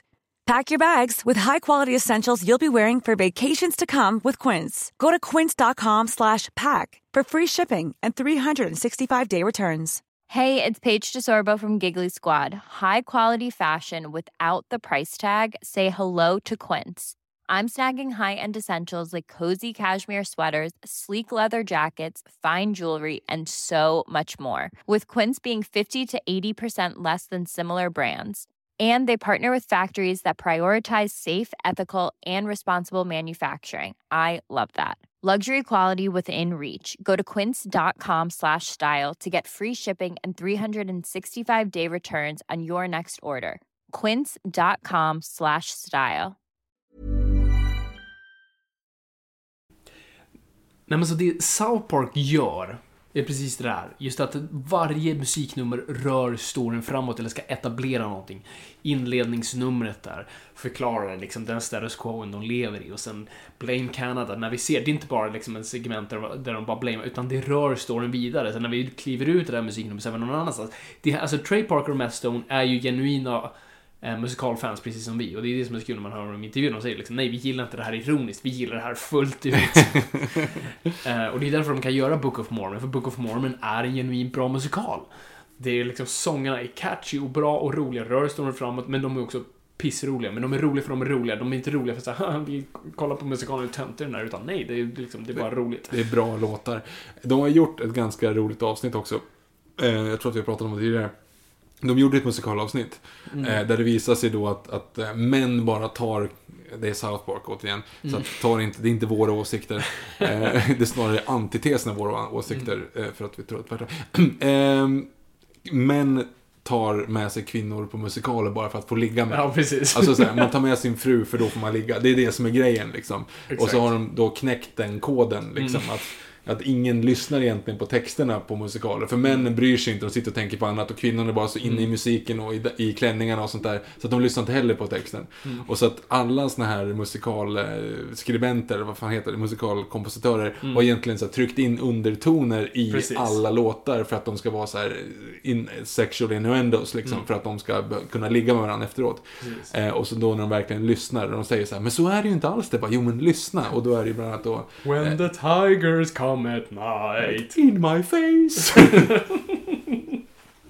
ja, Det är Ja. jätteroligt. Och de gjorde ju den inför, jag tror de gör så här ful reklam i slutet för Book of Mormon, att man ska gå och se den. Det var liksom ja det inför- kanske, inför ja, men jag tror, jo precis, så var det nog. Att de tryckte Mm. ut den då, den, för att det var en, en specialgrej. Precis. Eh, in, specialavsnitt, musikalavsnitt inför det. Men jättebra avsnitt också. Det De har ju gjort ganska många så här musik, alltså även eh, Team America är ju Team också America, lite, det är inte en precis. musikal på samma sätt. Ja, Eh, fast det är det ju. Alltså, Ja, det är ju massa musiknummer. Jo, fast det är ju bara såhär, we got a montage. Ja, precis. Det är mer ett Rocky soundtrack. had a montage. Det enda jag kan ja. på är Everyone Has AIDS, som är Rent. Ja, men då driver de ju med Ja, Rent. ja, det är liksom. Everyone Has AIDS. Och sen AIDS, även AIDS, när AIDS, han sjunger liksom eh, Pearl Harbor sucks Mm. and, and I miss you. Och sen som avslutas med Pearl Harbor sucks just a little bit more than I miss you. Ja, det är skitbra. I miss you more than Michael Bay missed the mark when he made Pearl Harbor. Åh, herregud. Ja, det är skitbra. ja, det, det är bra. Det, det är bra. Ehm, nej men så, så, du har ju, så nu kliver vi in i, i liksom 2000-talet. Eh, och det är ju liksom en, vad ska man säga, det är ju, det är ju en period där man får, där, där musikalen får en liten, liksom större respekterad revival. Ehm, och eh, och där är också genrer börjar börjar- Du har ju Dancer in the Dark av liksom Lars von Trier. En musikal av Lars von Trier. Med Björk. Men den är Och jättebra. Skarsgård va? Nej, det är Stormar i den. Ja, nästan. Uh, Skarsgård är i Bess McNeil, Bess McNeil. Uh, Va? Nej men i... Ju, vad heter den? Den är vedervärdig. Eh, Melancholia. Nej, inte Melancholia. Den är Nymphomaniac? Nej, tidigare än så. Men gud, nu är jag helt lost. Ro-. Ronin är Ja, med. okej. Nej, skitsam. Glasblåsarens dotter. Glasblåsarens barn är med. Det är inte... Det är inte... trier i den. Fan vad den var obehaglig. Den, Den var obehaglig. Det är den sista. Släpp barnen! Här, när han så här står och håller och så blir de krukor av någon jävla anledning. Ja, det är jättekonstigt. Ja. Och, och hon, de äter ärtsoppan och skitäckligt. Var va? Eh, De äter någon slags här, gryta, ärtsoppa, någonting. Någon gång. tänker inte på Braindead nu. Nej, det är en annan grej. Okej. men Annars är det lätt att blanda ihop Glasrosans Jag tror barn det- Braindead. Ja, precis. Faktiskt. Nej, Men den filmen var den sista faktiskt som filmades eh, på, i studierna på SF i Solna. Ja. Sen, sen dess har man inte gjort någonting mer där. Eh, så det är det. Noipod The Movie kanske vi. Noipod the Movie kommer filmas där. Ja. Absolut, jag pitchade imorgon. Som Eh, blir en musikal. som blir en musikal. Jag tror att Dancing in the Dark och sen har du liksom, här, ska ju, och här har vi lite det här pop, trycka popstjärnor, Britney Spears gör Crossroads. Det är Ah, inte riktigt gud. musikal, men man pushar ändå. Eh, hemsk. Jag har visserligen Ja, bara sett den dubbad till tyska, men alltså den är hemsk. ja, true story. Jag har sett den hela filmen dubbad till tyska. Varför? För att den gick på TV när vi var i. Och på skidresa. Så Var du bakis och kunde inte hitta kontrollen? Nej, vi, men typ på morgonen sådär. Alltså det var innan vi gick upp. Jag och Mm. Alexander Lönn låg i... Skitsamma. Det... Låter Britney Spears argare i den versionen? Ja, hemsk. Okej. De, Eh, Den och Dude Where's My Car var också, gick också på TV och dubbad till tyska. Oj, weird. En annan sån så här Crossroads, som kanske är då mer musikalaktig, det är ju den här Glitter. Maria Carey. Mariah Carey-filmen. Den- har jag sett många gånger, för att min syrra var ett stort Mariah Carey-fan när hon var ung. Jag tror att jag har sett den med er. Säkert. Mm. Det var säkert. För det var en av de första DVD-erna vi hade. Vi typ såhär Oh Brother Where Art Thou, The Bone Collector och Glitter. Jag ska inte säga så mycket. Jag hade Joe Jättegorillan och Swordfish.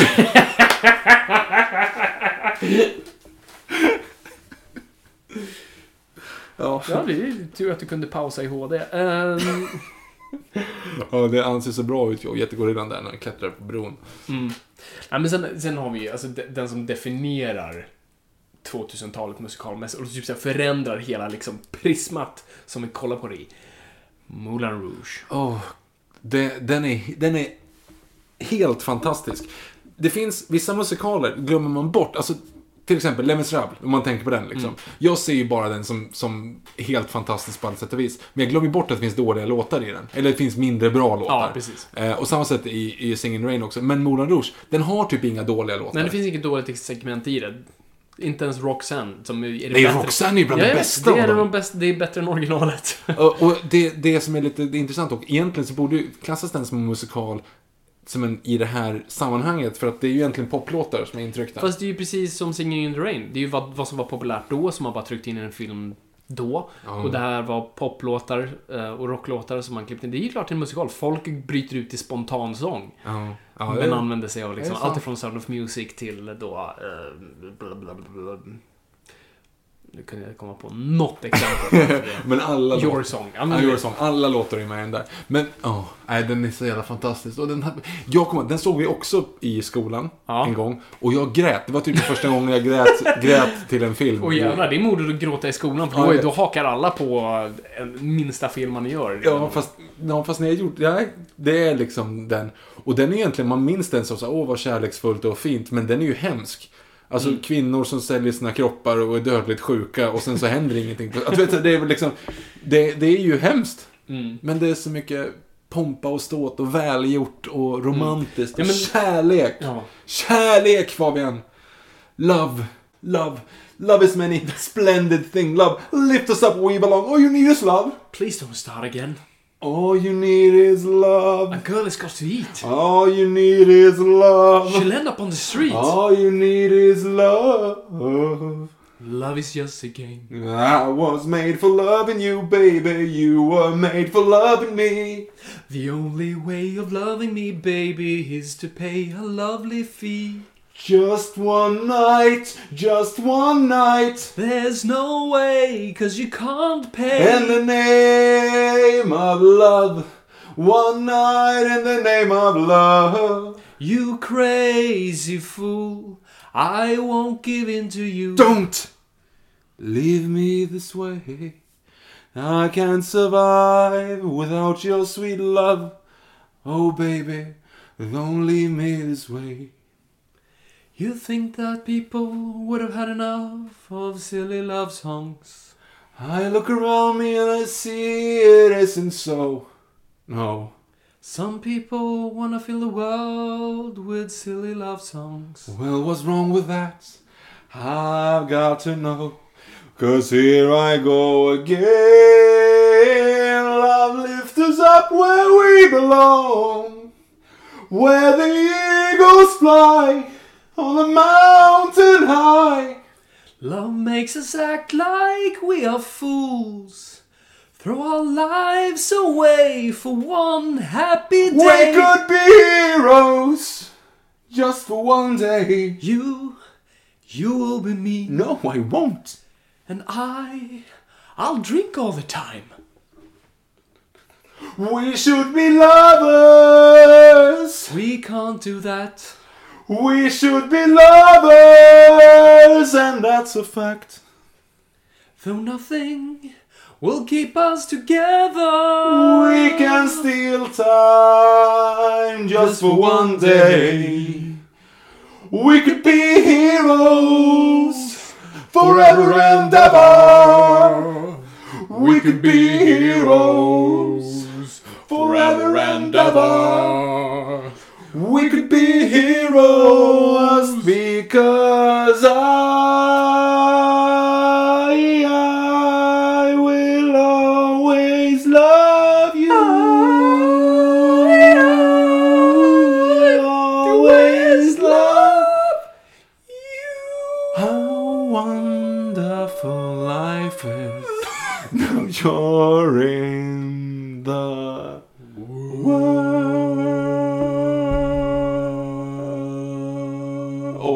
Oh, Gene Broadbent, go!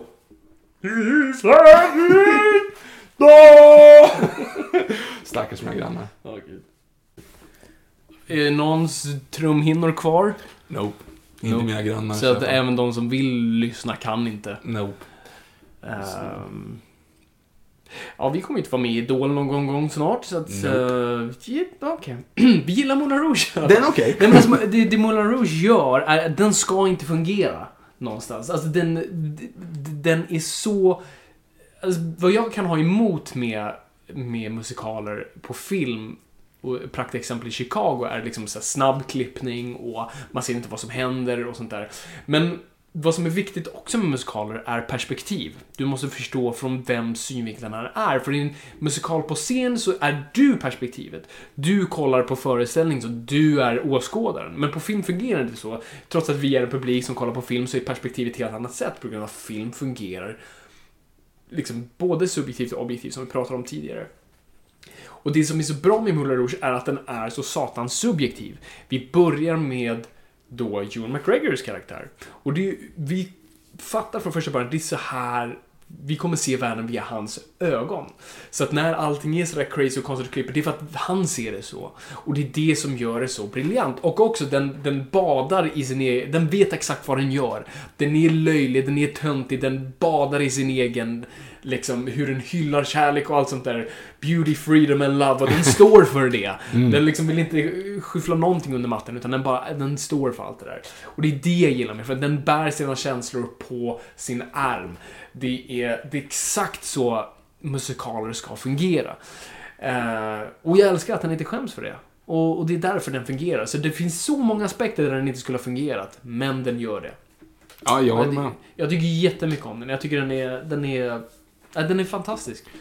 Och, nej, men som sagt, och det finns egentligen inget segment som är lite downer heller. Alltså det, det Ja, funkar. Downer, den är ju Jo men, jättesorglig. jo, men alltså i, i stämning, det, om du vill ha liksom, om det ska vara känslomässigt så är det känslomässigt, om det är roligt så är det roligt. Men det, det, du har ingen eh, Look at me, I'm Sandra Dee liksom. Mm. Eh, i, I den här. Du har ingen Hello monsieur, what's new today? Eh, Nej, men det är ju för att det är skitbra poplåtar. De, de behöver inte liksom... nej, det är Har så de- jävla tempo. Tyvärr så gjorde Baz Luhrmann Australia efter det här, men alltså, Ja, det, det glömmer vi bort. Men... Jag vet, klagar många på Ewan McGregors gråtscen i slutet? För jag tycker den är briljant. Skojar du? Jag, För jag gråter som ett barn varenda gång jag ens tänker på den. Och för att det är ugly crying. Det är så folk ser ut när de gråter. Vilket kommer komma in på, på Fantomen på Operan snart. Men det kommer sen. det kommer sen. Eh, nej men den är fantastisk. Och den gav ju verkligen hela, alltså, den, eh, den tog ju musikalen till en helt ny nivå. Och nu blir det helt plötsligt så här, oh, musikaler är hett igen. Så då försöker man ju liksom följa upp det med Chicago bland annat. Som inte heller, för den fungerar, den... Det är så fel att den vann så många Oscars. Ja, jag vet. Jag tycker det, inte att den är värd det överhuvudtaget. Alltså, den, den är... Och jag ska säga så här. En stage show är till för att du ska se dansarna. Du ska se liksom det här som är... De, de, hela, fucking hela filmen är ju egentligen en... en ett uppträdande. Ja. Du kan inte zooma in Catherine Zeta-Jones och klippa mellan henne och Zellwegers typ knän och armbågar och ögon. Alltså, Mm. det blir, den är sönderklippt och så är den så extremt hafsig. Den, Ja. Mm. den, är, den är för kort, om uppenbarligen. För man hänger inte med överhuvudtaget när det väl är den här. Och de vänder det osympatiska karaktärer. Eh, och det som vi också kommer att komma in ännu tydligare med på Phantom of the Opera. Man vet inte om det är på riktigt eller inte. Precis, det är än en gång där, där har du perspektivet är fel och klippningen är fel. Så när ni gör gällande, allting som Moulin Rouge gör rätt gör den här fel.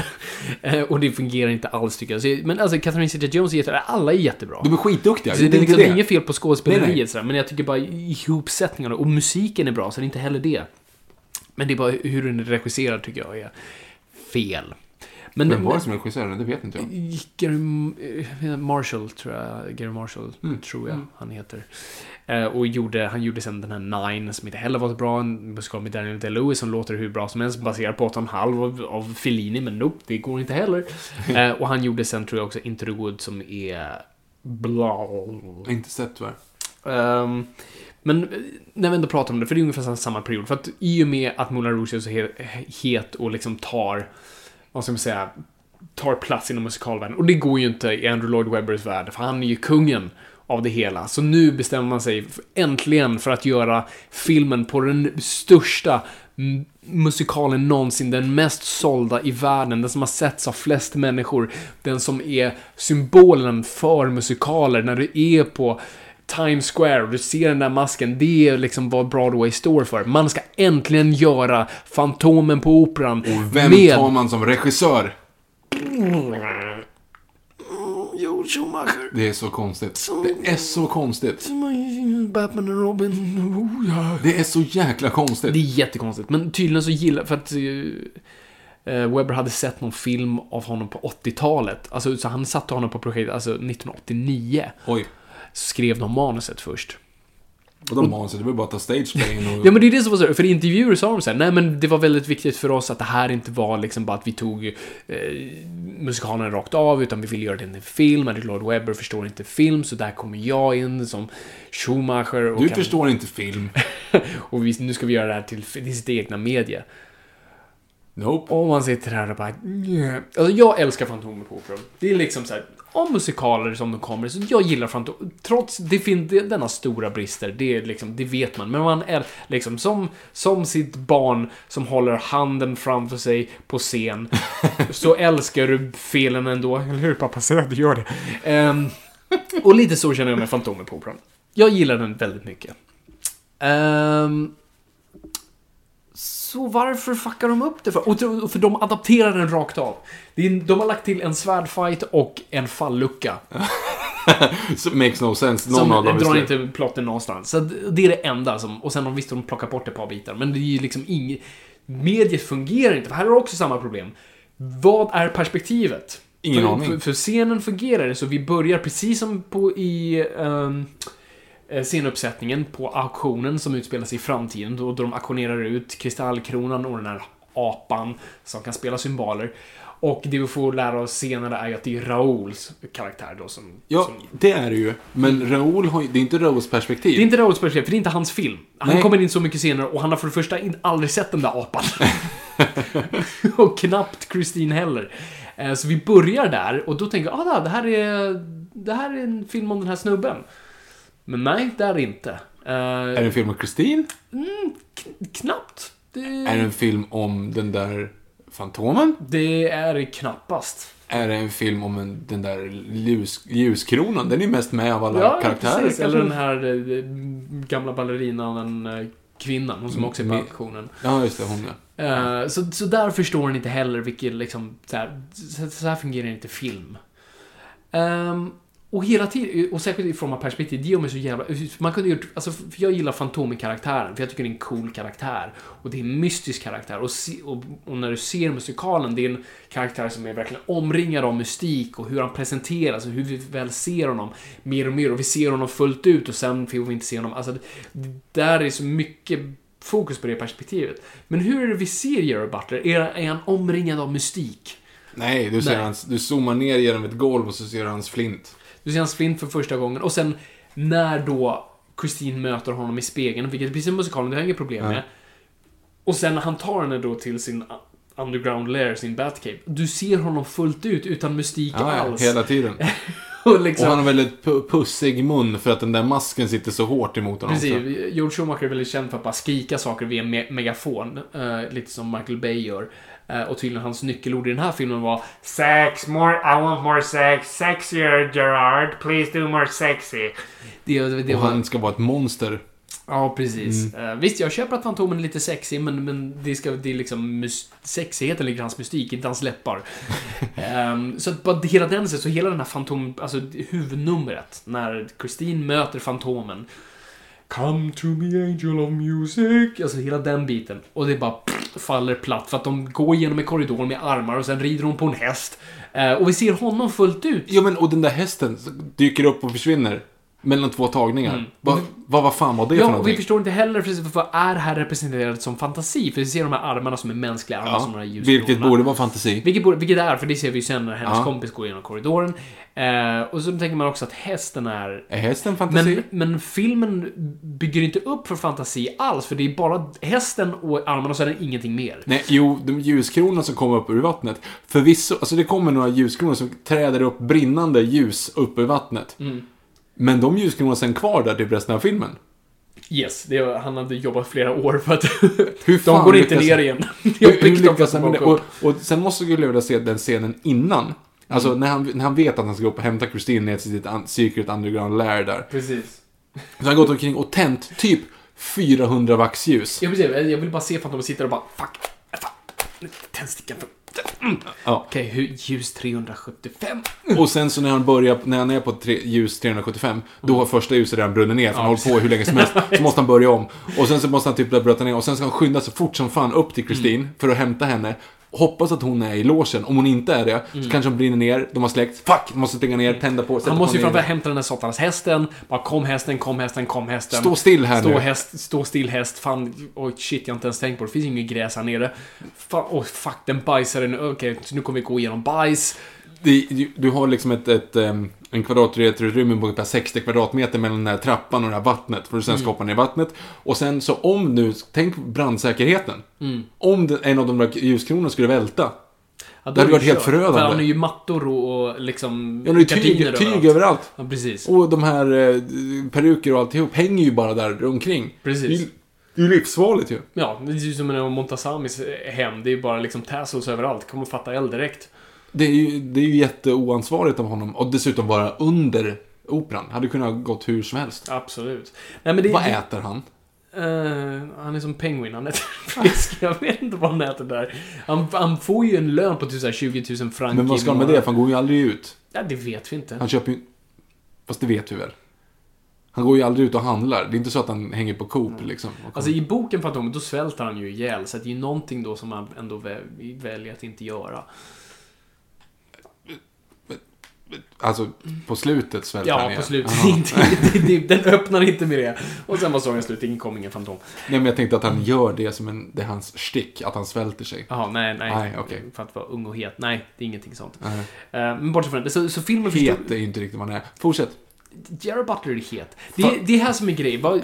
För att jag gillar Gerard Butler som Fantomen. Jag tycker han är en ganska perfekt ca- casting. Och det, det ingår ännu en gång i min bröliga man kärlek till att jag älskar alla de här Pierce Brosnan i Mamma Mia, Gerard Butler i Phantom of the Opera och eh, Russell Crowe i Les. Jag som håller med. alla kritiker alltid säger. Okej, håller den svaga punkten i den här filmen var insert en av de här tre. och jag säger, nej men det var det bästa numret i filmen. Vad pratar ni om? Stars är den bästa låten i Lewis.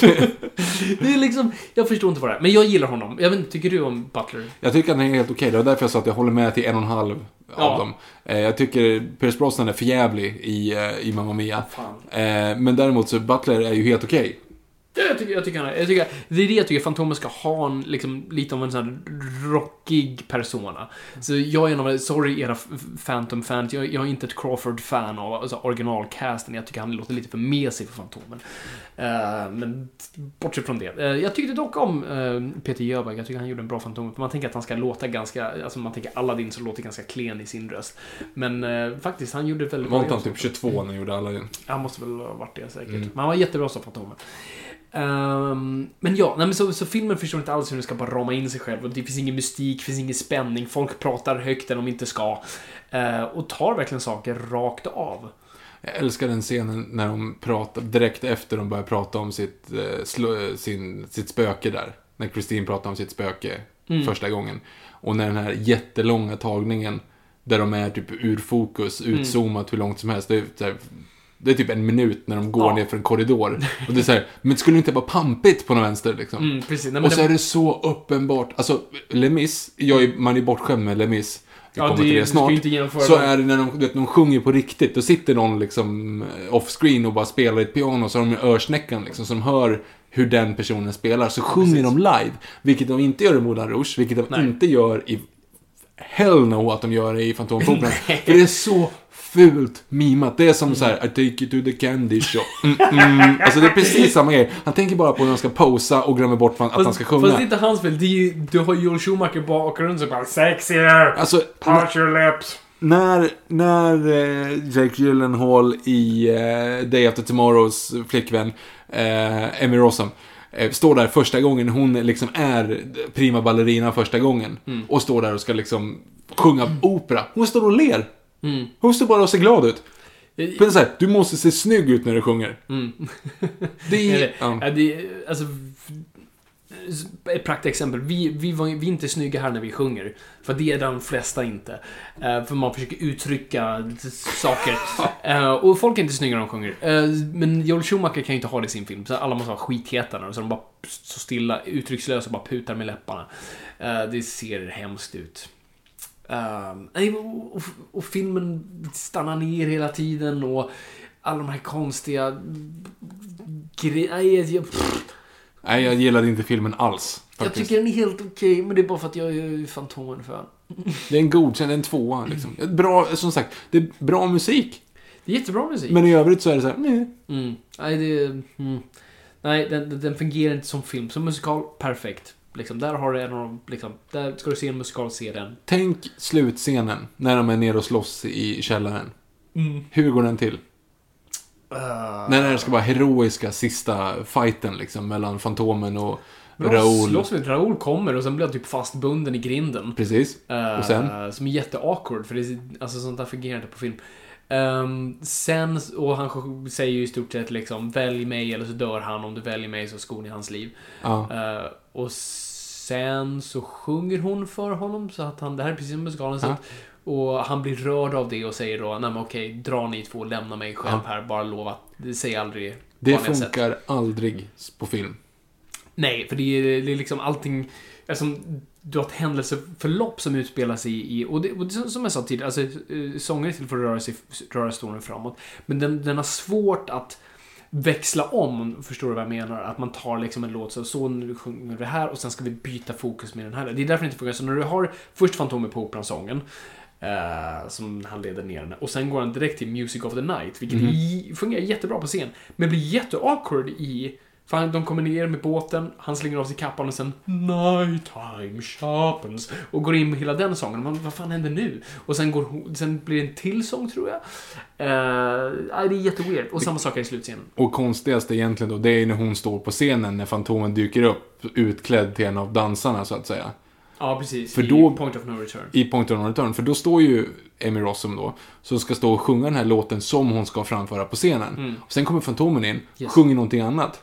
Och hon kan den, alltså det är så här, där har du ju så här eh, diegetisk och icke-diegetisk. Mm. Det, det går från att vara show till att vara vad faktiskt Fantomen sjunger. Eller var det här Precis. inövat? Var- det det Ja, de skulle det göra egentligen? För eller? där har du ju också tangodansaren i bakgrunden som är den mest konstiga pl- placering av tango. För det är inte en tangolåt. Alltså, Pass of Point Return är liksom en jättelångsam, liksom, kanske en vals. Past the point of no return. Det är liksom, det är det. Ehm, och det är där man ser influenserna av Moulin Rouge. Hur, för de tänker... Roxanne! Precis. Som är en tangolåt. Ja. De har format den låten för att fungera till tango liksom. Men det gör du inte här. Utan bara... mm, Uh, put, some tango dancers there. And more sexier. And nipples. Ja, det är mycket nipples i den här faktiskt. Alltså statyer i alla fall. Precis som i ehm, Batman Robin. Mhm. Um, alltså den scenen fungerar inte heller. Det tycker jag är en av de bästa låtarna. Det- Och den är jättecool på scenen för då är han helt iklädd i liksom, han ser ut som en ringvålnad nästan. Så det är liksom, makes sense att de inte fattar att det är Fantomen. I och för sig, hon borde höra till hans röst, men fine.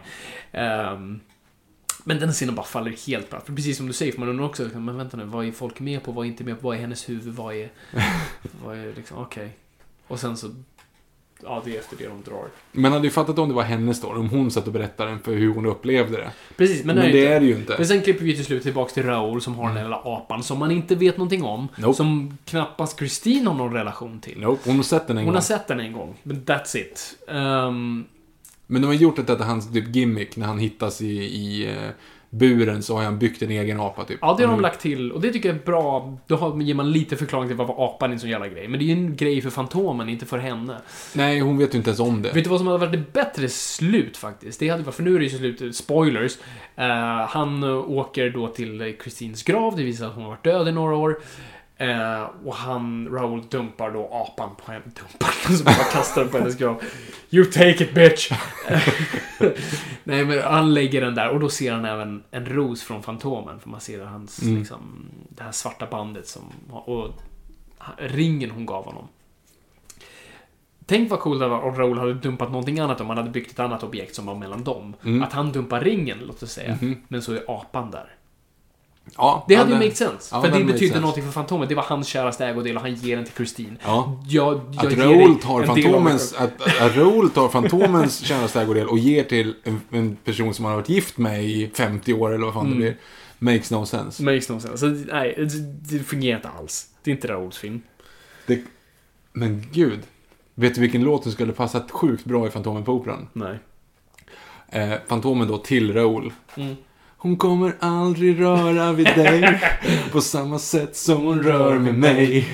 Hon kommer aldrig låta dig komma in. Och du får stå kvar när vi försvinner i natt. Och du har ingen möjlighet att komma ifatt. Åh, säg jag vet hon är min. Hon är stark, hon är varm. Hon har pengar och charm. Och jag vet hon är min. Där hon är, där är jag. Hon är allt jag vill ha. Så du rör ingenting. Hon är min. För där är ju, och den ringen du köpte gjorde hon likadant. Oh! Oh! Ring Andrew Lloyd Webber. Andrew Lloyd Webber, if you're listening, there's this band called Geast. They got a very good song. I think you should put it in your very popular musical. Because they're actually saying like if uh, they have if Yes, he- let he me gave- translate it for you. he the the ring he he you gave her she Did- throw away Yes, she did the same. did the same. Yes. Hur, hur är det första? Vad säger de precis innan det? Och den ringen du köpte... Ja, precis. Hon skulle aldrig röra... ja men det det var det, det jag började på fel ställe egentligen. Jag skulle ha haft Aldrig låta dig komma in. Nej. Hur börjar, hur börjar första, första, första strofen på Hon är min? Hon är min. Ja, just det.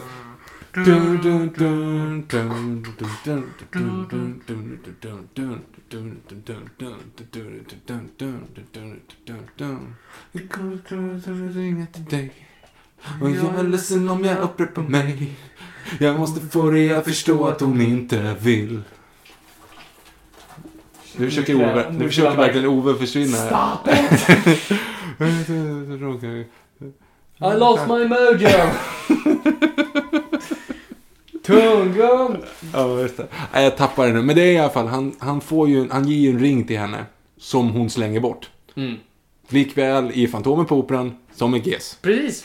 Bra Viktor. Du, Ja. ehm, har, har, vi, har vi sagt förresten vad vi ska göra i sommar? Jag tror inte det. Nej, Eller har det? nej. Har det? Vår- Jag vet inte om jag har sagt det. Våra respektive gav oss en fin present. Eh, med en stor suck. Vi ska gå och åka så GES! Yay! Vi åker till Öland i sommar och ser GES. Åh gud. Ja, jag var på Idrottsgalan igår och såg dem live. Anders Glenmark kommer snart sätta en restraining order mot oss. Ja, herregud. Ja, just det. Du, var på, du såg dem live. Hur var det att se dem live? Var det bra? Nej, det var bra. Det var bra. Jag såg dem också på genrepet så jag visste vilken låt de skulle köra. Det var ju väldigt konstigt att de körde Ingenting mindre om dig och Jävel på kärlek. Precis. Alltså, Jävel på kärlek förstår jag att de kör, för det var ändå deras typ andra hit efter Jo, Greve men, Guld men, USA. Men, alltså, ingen... men vad passar in? Du hade ju fattat om de körde När vi greve guld USA. Eh, Men, jag förstod sen när de visade bilderna Ja, bakom. precis. För då var det på här, kärlek, folk som pussades. var kärlek. Ja, precis. Men ingenting mindre om dig är ju ganska... Jo, men det var ju, de var de ledsna. Jaha. Så det var typ såhär, ja, när vi förlorar ingenting Ja, precis. dig och när vi... Och sen så är det Borde ju inte då... vara något som går då? Ja, Fast den har ju ingen hört. Nej. Så men ingenting mindre om dig, vad fan, det är ju inte heller något så här. Men den är bra. Den är skitbra, jag Ja. klagar inte på kvaliteten på låtarna, jag bara undrar liksom det allmänna perspektivet. Shit vad vi utesluter folk från den här podden. Vi rantar om Fantomen på Operan i en halvtimme, sen börjar prata om GES. Nu går vi, nu går vi vidare, det här är inte... Men, men det är ju liksom en, en musikalera tycker jag, 2000-talet. För det har, alltså producers går ju, alltså som har varit en film, som sen blev en musikal och sen gör man då film på musikalen. Eh, Men det var, du vet, Uma Thurman, det var inte så bra. Dock hade de originalcasten med Matthew Broderick och... Uh, vad heter den andra snubben? Jag har Nathan ingen, Lane? ingen, ingen aning. Ja, Jag har skitsamma. inte sett den. Och sen har du Rent. Som också lider lite av Fantomen-grejen. Som var sån där, den var ju jätterespekterad, början på 90-talet. Du vet, dealade med 80s, 80s, 80s. um, och sånt där. Var liksom baserad på La Bohème, liksom en klassisk fransk gammal opera. Med filmen var regisserad av Chris Columbus. Nej, men vad ska jag ge Han gjorde två bra Harry Potter-filmer. Jo, jo, men eh, han kan inte deala med aids så bra. och den är också så här, vad är perspektivet? Och jag hatar de här personerna, de är vedervärdiga. Ehm, de bara beter sig som assholes mot varandra. Och nej, den, eh, den klingar inte bra. Musiken är bra dock.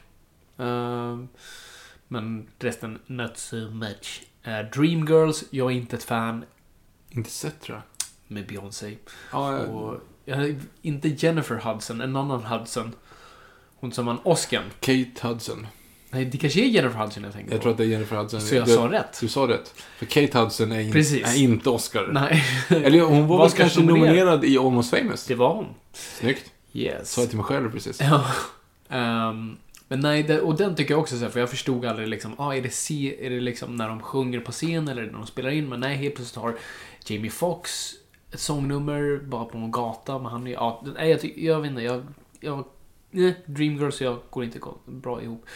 Ehm, och här också, 2006, High School Musical, bla, det kanske är liksom lägre delen av musikalen. Tenacious D Pick of Destiny. såg vi tillsammans i en halvtom biograf. Ja. Alltså, jag tycker att låten han kör, alltså till Bach, är lite rolig. Ja, när de först träffas. Can't you see he's the man, let me hear you upload, he is more than a man, he's a motherfucking god.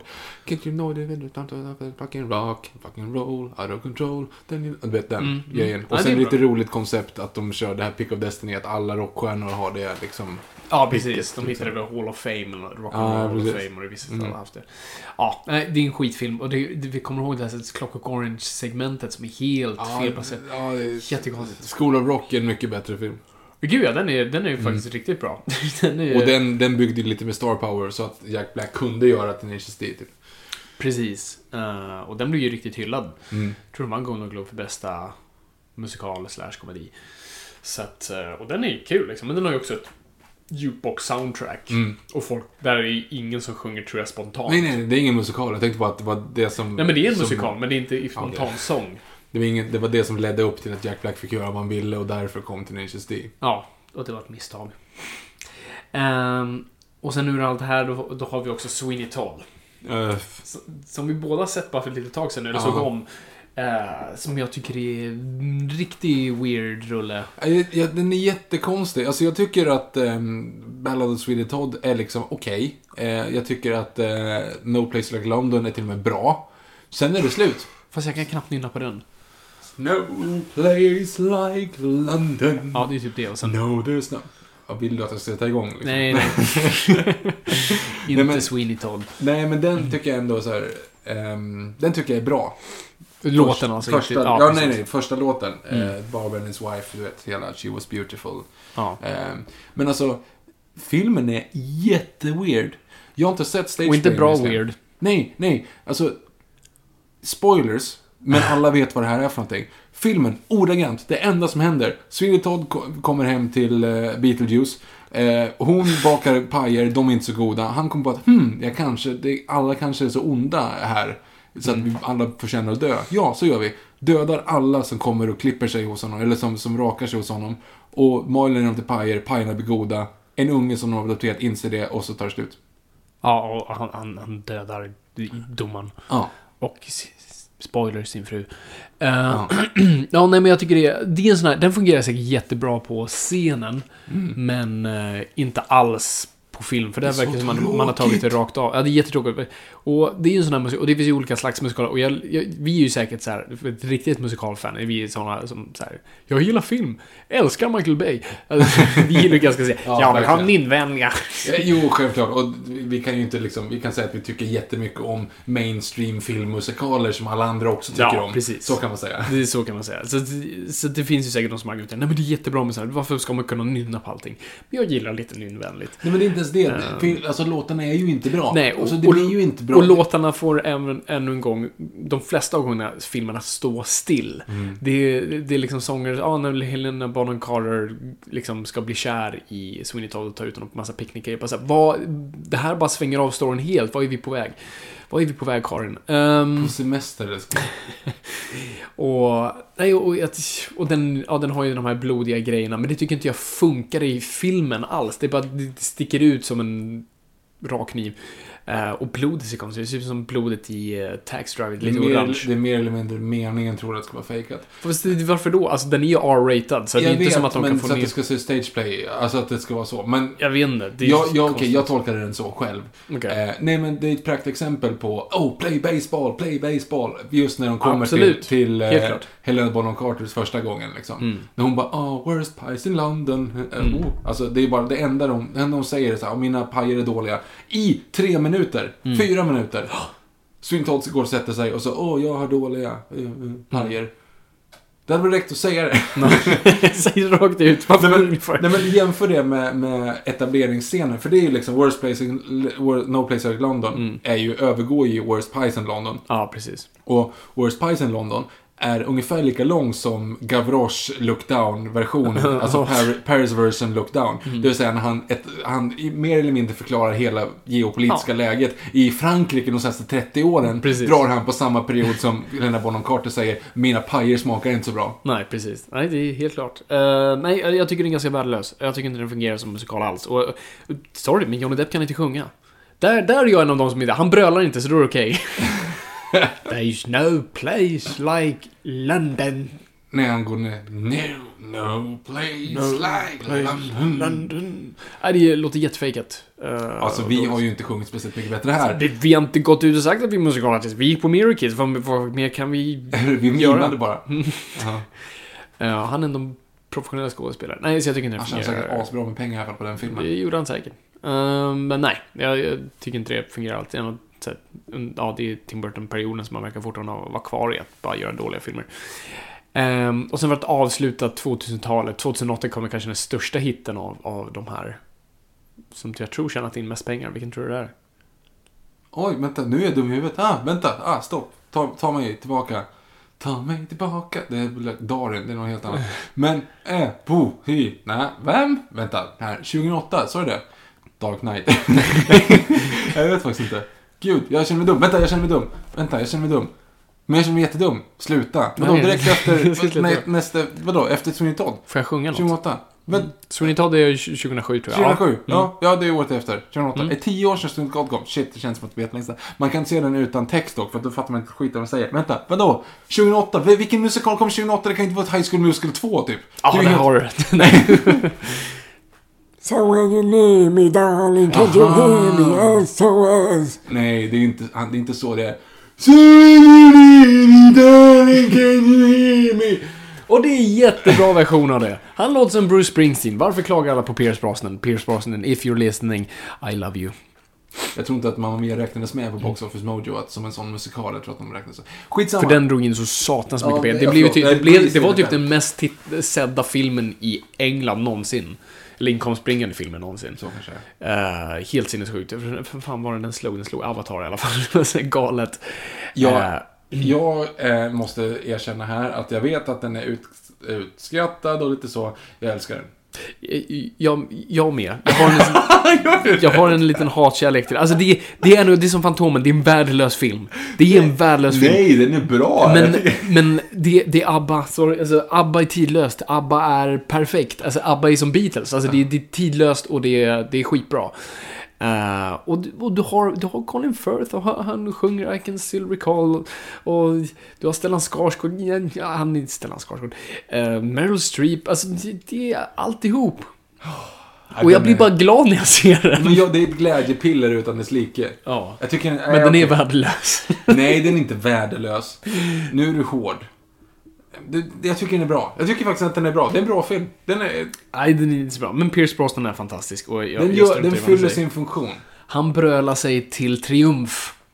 När han ska köra SOS. Just den låten av alla också. De kunde tänkt liksom, okej, vi Men han sjunger ner den i, i, i, den karaktären sjunger den i, i musikalen. Så det, Jo, jag vet, men de, hade kunnat- de skippar ju eh, Don't know how to make it, don't know where to go. Mhm. Shit, vad fan heter den? Now the systems running low, baby, and. Under attack skippar de. När hon eh, ligger i säng, när hon har en mardröm typ, så alla Mm. kommer bara rulla runt hennes säng. Ja, jag har för övrigt sett stageplayen fyra gånger. Jag har sett den två gånger tror jag. Mm, fyra, en gång i London och sen så såg jag den en gång när Wahlgren, eller inte Wahlgren, eh, Strömstedt hade översatt den. Ja, det, den Typ såg jag 2003 också. eller Ja, 2000. precis. Och sen såg jag den två gånger dagen efter varandra, fredag och lördag när den spelades på Globen. för några, för typ fyra år sedan. Ja. I engelska uppsättningen. Mm. Ja, men den är ju, det är ju jätte, alltså det är ABBA. Och så man har bara tryckt in en story. Eh, men den är ju charmig som satan. Eh, och alla skådisar är ju, Alla är bra. alla är jättebra. Alla är... ah. Eh, det, det var som perfekt så här post 9-11. För det är ju det, alltså många musikaler var ju ganska deppiga. Eh, trots att de kanske hade glädje i sig, men det var tunga grejer. Och det här var faktiskt ett så här skönt glädjepiller som jag tror alla... Därför, alltså, det är ju en sån konstig film att det gick så bra för den, men jag förstår det för att folk behövde den. Ja, men det är ju bara A-list skådisar rakt igenom. Inte Mannen Seyfried just då kanske. Nej, fast egentligen inte. Det är Meryl Streep. Alltså Colin Firth, inte... Alltså han... Ja, Bridget Jones-snubben och Mr. Darcy. Uh, Stellan Skarsgård, ja, Bess McNeil, Bess McNeil. Eh, Okej. och Men Pierce, Pierce... Pierce, är Bond, men han är det är inte... Det är inte Bond-fansen som går och ser. Jag är den enda Bond-fan som går och ser Mamma Mia stå först i kön. men... eh, Ja, kanske. nej, så att jag... Ja, nej.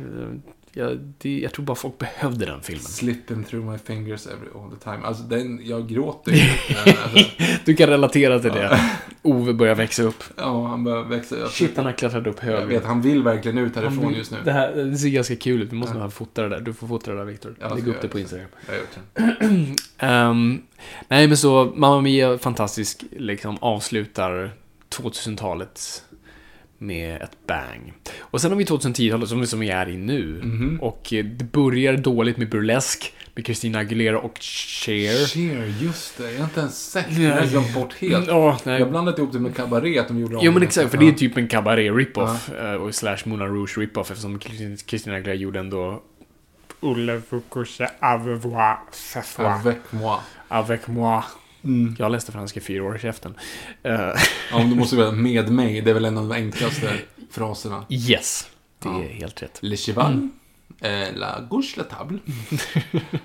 El, els, es gauche la table. Ja, skitsamma. Skitsamma. Det blir typ häst-vänsterbord, men ja, du Ja. förstår vad jag menar. Men sen är väl, när jag tänker 2000, vilka, vilka har vi haft där då? Vi kommer komma till, till, till ja jag vet, Mm. håll dig Men, men vad har vi haft annars, Viktor? Ja, prata på du. Ja, okej. Ja, ja, fine. Ja, Jag kommer inte på någon annan. Ja, Les Misérables kommer. Eh, 2000... eh, vad är det nu? Nej, kommer är Tolv. 12. Ja, precis. Ehm, som gör... Ja, inte... inte- Vad fan, Hooper, vad heter han? Tom Hooper gör den. Och eh, vinner massa Oscars bland annat till... Eh,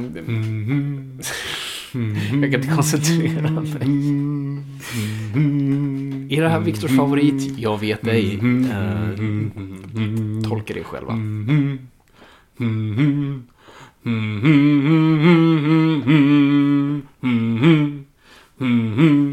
Hmm, hmm, hmm, look down, look down, don't look him in the eye. Look down, look down, you're here until you die. The sun is strong, is hot as hell below. Look down, look down, like 20 years ago.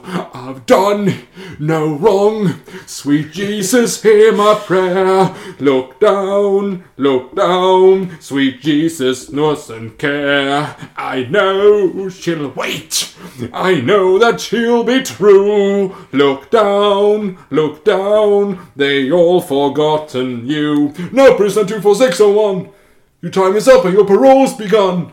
You know what that means. Yes, it means I'm free. No, fall into a left of your artillery. These bags of chains will till you die. It warns you a dangerous man. I stole a loaf of bread.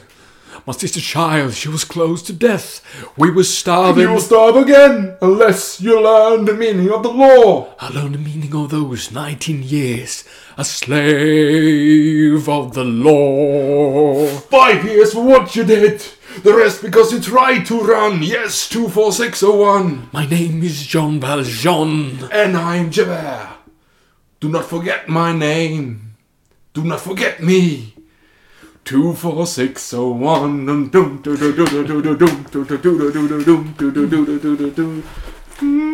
Okej, du, kan sjunga igenom det hela den där.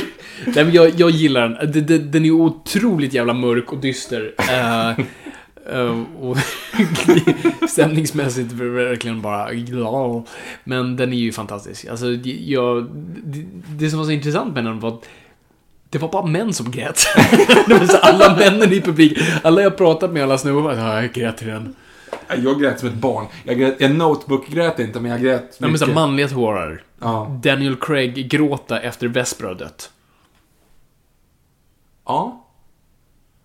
Alltså, okej. Det var en bra jämförelse. Jag, Daniel Craig grät till Les, Les Mis, men jag Ewan McGregor grät Ja, till The Notebook. ja, det var så. Jag visste inte vad jag skulle ta vägen. Jag och Niklas satt ju i, alltså, två, två snubbar, typ efter en AV, eller en AV var det inte, men efter att ha gått på krogen liksom i Örebro när vi pluggade där. Skulle se en film, så ja men fan den här Notebook, den har ju fått hyfsat bra kritik och så hade han den på datorn och vi satte oss ner och kollade Notebook och jag, jag grät, jag grät som ett. Jag, Ewan McGregor grät. Så vi var tvungna att slå på, efter vad, vi kunde inte se klart eftertexterna, vi var tvungna att slå på South Park för att jag skulle lugna ner mig. Sen grät jag ju typ två veckor efter det. Så jag grät ju åt Babe, som sagt. Det har jag sagt förut. Det gör vi alla. Baby gick på TV och jag har sett den 15 gånger. Och när så här, bonden ska skjuta Baby, bara, det är inte hans fel! Det var inte han som bet ihjäl fåren! Alltså jag var helt förstörd. Korkad bonde för övrigt som tror att grisen bet, bet ihjäl Ja, det är fåren. inte speciellt smart alltså, det, det kan jag hålla med Nej. det- ja, nej men eh, absolut. I- När jag, när jag såg Notebook så bara ah, fem minuter senare. Ah, Alzheimers. Ah, ja. Ja, jag vet att du inte tycker om den. Nej. Eh, men bortsett från det. Uh, Lemis. Um, Vilken scen grät du till förresten? I Les Mis? Lemis. Mm, det är en bra fråga. Alltså, det är nog lite så här Javest, eh, eller eh, självmord i väldigt så här, mm, det är manliga tårar. Det är det som är så jävla konstigt. För jag vill ju inte erkänna det här. Men jag grät ju till det. Och jag grät pappa, pappa, what did you go away? Den. Men jag grät inte åt... ehm, eh, eh, Dream a dream that time goes by. Mm, nej, Vilket var väldigt konstigt, för den är ju jätteemotionell. Absolut. Men jag fattar- jag hade men inte liksom tagit in det, det, det allting är någonting mer liksom det, det är som jag säger, det är männen som gråter. Jag säger inte att man inte kan gråta åt kvinnor. Det är inte så här, bara, pff, hon förtjänar det. Det är inte med det att göra. Jag vet inte vad det är, men det, det är någonstans, det är, man kopplar till männen så himla mycket där. Så liksom till Chauvet och... ehm, och sen när, spoilers, dör på slutet. Alltså när han, han är gammal och, och dör liksom. Det, det... Nej, jag, jag, ja. Nej, okej, jag grät typ i inledningen för att det var så jävla maffigt. När man är under ytan, kommer Ja. upp. Och så skeppet. Man bara så! Men där har du ju. Den, den gör precis rätt. Hur man adopterar en, eh, en, screen, en eh, stage play liksom. Vad, vad kan du inte göra på scen? Mm. Ja, du, närbilder. Mm. Eller kameraåkningar. Mm. Det är typ det det består av. Hela filmen är en kameraåkning eller en närbild. Precis, nej men för när du står på en scen så då måste du skrika ut orden så att Mm. farmor hör dig längst bak och även i en musikal, även de tysta momenten. Man behöver inte göra det i podcast, vilket vi har liksom missat i det här avsnittet. Ja, exakt. Ja. Eh, Men när du har liksom I dream, I dream, då kan man göra som Anne Hathaway. I dream, I dream. Då lät jag typ som... Christopher Walken. Ja, precis.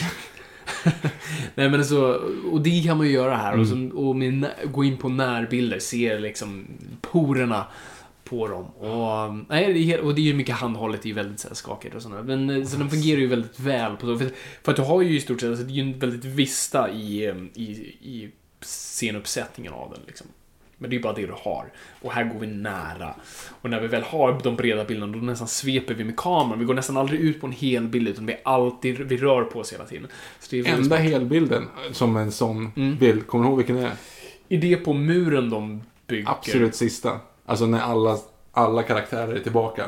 Och så står de ju och kör det. Do you hear the people sing? Eh, Jag fick gåshud när du sa det. När alla står på scenen och även Anne Hathaway är där. Hon bara, Do you hear the people sing? Singing the song of angry men. This is a music of a people who will not be slaves again. When the beating of your heart echoes to the beating of the drum. There is a life about to start when tomorrow comes. Okej. Will you join in our crusade? You will be strong and stand with me. Sorry, Beyond the barricade is there a life you. Okej, förlåt. Jag kommer inte... Join in the water. Oh, the water. Oh, nej. ah, mm. The blood of the martyrs will water the meadows of France. Låter lite självmordsbombarhyllning, men det... Ja, det är ju det när jag tänker efter. Men det är maffigt när jag står där. Yes. Sjukt konstig grej överhuvudtaget att skriva om det. Alltså, det det är ju junirevolutionen i, eh, i Paris. Precis, 18. Den misslyckade Det revolutionen. hände ingenting. Alltså det, det liksom, det, det var, eh, jag älskar, Jav- inte Javert, vad heter han, Gavroche, när han summerar liksom. There was a time we killed the king, we tried to change the world too fast, now we got another king, he's no better than the lost. Eh, this is Goma High Society, here in slums of San Michel, this is Rube above Compide. Vi släpper den där. Men det det handlar om egentligen, det är att franska revolutionen, 60 år sedan, det, det funkade inte. Nej, det hjälpte precis. inte liksom. Så att nu är det skit igen liksom. Mm. Ah, det, och så är de tillbaka och så Only one man, General Lamarck, speaks for the people here below. Sen så satte de upp de där jävla barrikaderna och tänkte så här, nu ska vi störta hela, de var ju royalister eller republikaner, fan de var. De, de ville ju ha eh, General Lamarck då. Och när han dog så skulle ju eh, kungen ta över igen. Eller inte samma kung, men du vet den kungen som var där. Och allting gick åt helskotta. Typ 100 pers dog, de åstadkom ingenting. Revolutionen höll på i en dag. Det gick åt helskotta. Alla hade glömt det om inte Victor Hugo hade suttit i en, eh, i en studio och skrivit Medans det där skedde. medans det skedde. Och sen så skrev han då eh, Samhällets olycksbarn typ 20 år senare. Och då la han den där. Du har läst den boken va? Ja. Är den bra? Den är jättebra. Superbra den. Kul. Den är, ja, den är uppe där alltså. Mm. Sen kan det vara för att jag hade också typ. Eh, one, nej, men jag hade One Day More i huvudet under hela den, den sekvensen när de laddar upp inför den barrikaderna. Liksom. Ja. Okej. Är- Har du fått ur den ur ditt, jag, ur jag tror ditt det. system? Jag tror det. Okej. Nej men du, vi är ju i stort sett, nu är vi, nu är vi ju här. Alltså Ja. nu är vi ju nu. Och vi står inför La La Land. Och jag är taggad som satan. Jag vill ha en modern musikal som utspelar sig i modern tid. Alltså i vår tid. Det enda som gör mig lite skraj just här, den ser nostalgisk ut. Och vi lever lite, vi nu börjar jag bli trött på nostalgi. Jag vill titta framåt, jag vill leva i nuet, jag vill se. Man får absolut glimta tillbaka, men inte att den badar i det förflutna. Men eh, jag är taggad, jag vill se någonting nytt och fräscht som... Jag har inte kollat på någon trailer, jag har, jag har inte hört en enda låt. Inte jag heller. Så att eh, jag ser så, jävla mycket fram emot att se den. Ja, det blir bra. Det blir jättebra. Ska vi, ska vi, ska vi köra våra toppfavoriter här? Ja, det gör vi. Våra, vi, har, vi, har, vi har då gjort lista på våra topp fem musikaler. Och då har vi då exkluderat Disney-filmer. Ja, det är ju lite svårt.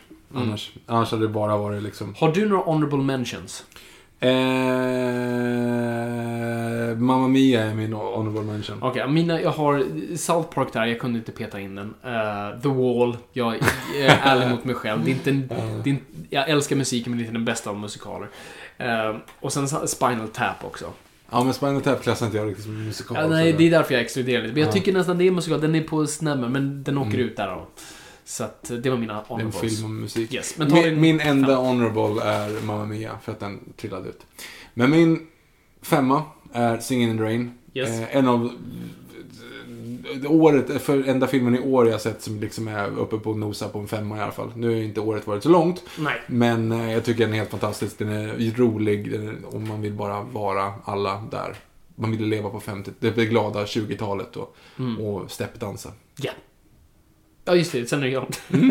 eh, min nummer fem är West Side Story. Som är, jag tycker det är troligtvis den mest cinematiska eh, musikalen. Och, men den är mitt huvud vad en musikal ska vara. Mm. Mm. Inte sett. Eh, min fyra är Grease. Mest för minnena. Jag tycker att den är... Eh, du vet, man kan allt. Man har sett för många gånger. Det, nej, den är helt Fan, fantastisk. Grease är också en honorable mention. Jag kunde inte peta in den. Ja, det är min fyra. Eh, min fyra är Le Misérables. Och jag kommer låta dig, Victor, prata om den när du tar den till din nummer ett. Så att vi har precis pratat om den. Eh, ja, Min nummer tre är Moulin Rouge. det är min tre också. Eh, för att den är fantastisk. Fast Vi har redan gått igenom den en gång, så att vi, liksom, Ja, den, är, den är kärleksfull Nej, men det är ju, man, man liksom. skulle ju kunna säga, av alla de här, också kanske mer eller mindre, men det är vår musikal. Alltså det är den Mm. vi växte upp med, på något som var i vår tid och reflekterade vår tid och liksom... Jag kommer sitta där med mina barnbarn sen och peka på Hugh McGregor när han gråter och Titta! Titta där! Det är bra skådespeleri. Ja, exakt. ja, det är bra. Mm, din nummer två.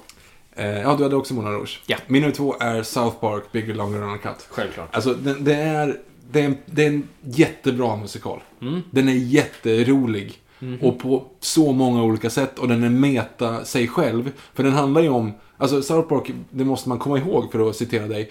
Eh, är ju att South Park var ju jätteut... Alltså det var ju hatat av föräldrar under Mm. 90-talet. För att det var så grov, grovt språk och våld och allting Ja, sånt där. precis. Så att då gjorde ju de... Alltså hela kommentaren är ju att Terrence Phillip gör en film som alla föräldrar hatar så att de invaderar och mördar människor hellre än att barn ska svära. Precis. De invaderar Kanada för att mörda Terrence Phillip. Så att de börjar liksom verkligen gå en killing spree och förklara hellre krig med mänskliga casualties som, som resultat. Hellre än att barn svär Mm. och tittar på elaka saker på TV. Vilket är väldigt metaroligt. Och så glömde jag säga, den var ju Oscars-nominerad för Blame Canada, vilket Ja. var väldigt kul. Som är en jättebra låt. Det är den. Eh, min nummer två är Singin' in the Rain. Mm. Eh, det är också en sån här, det är musikalernas musikal.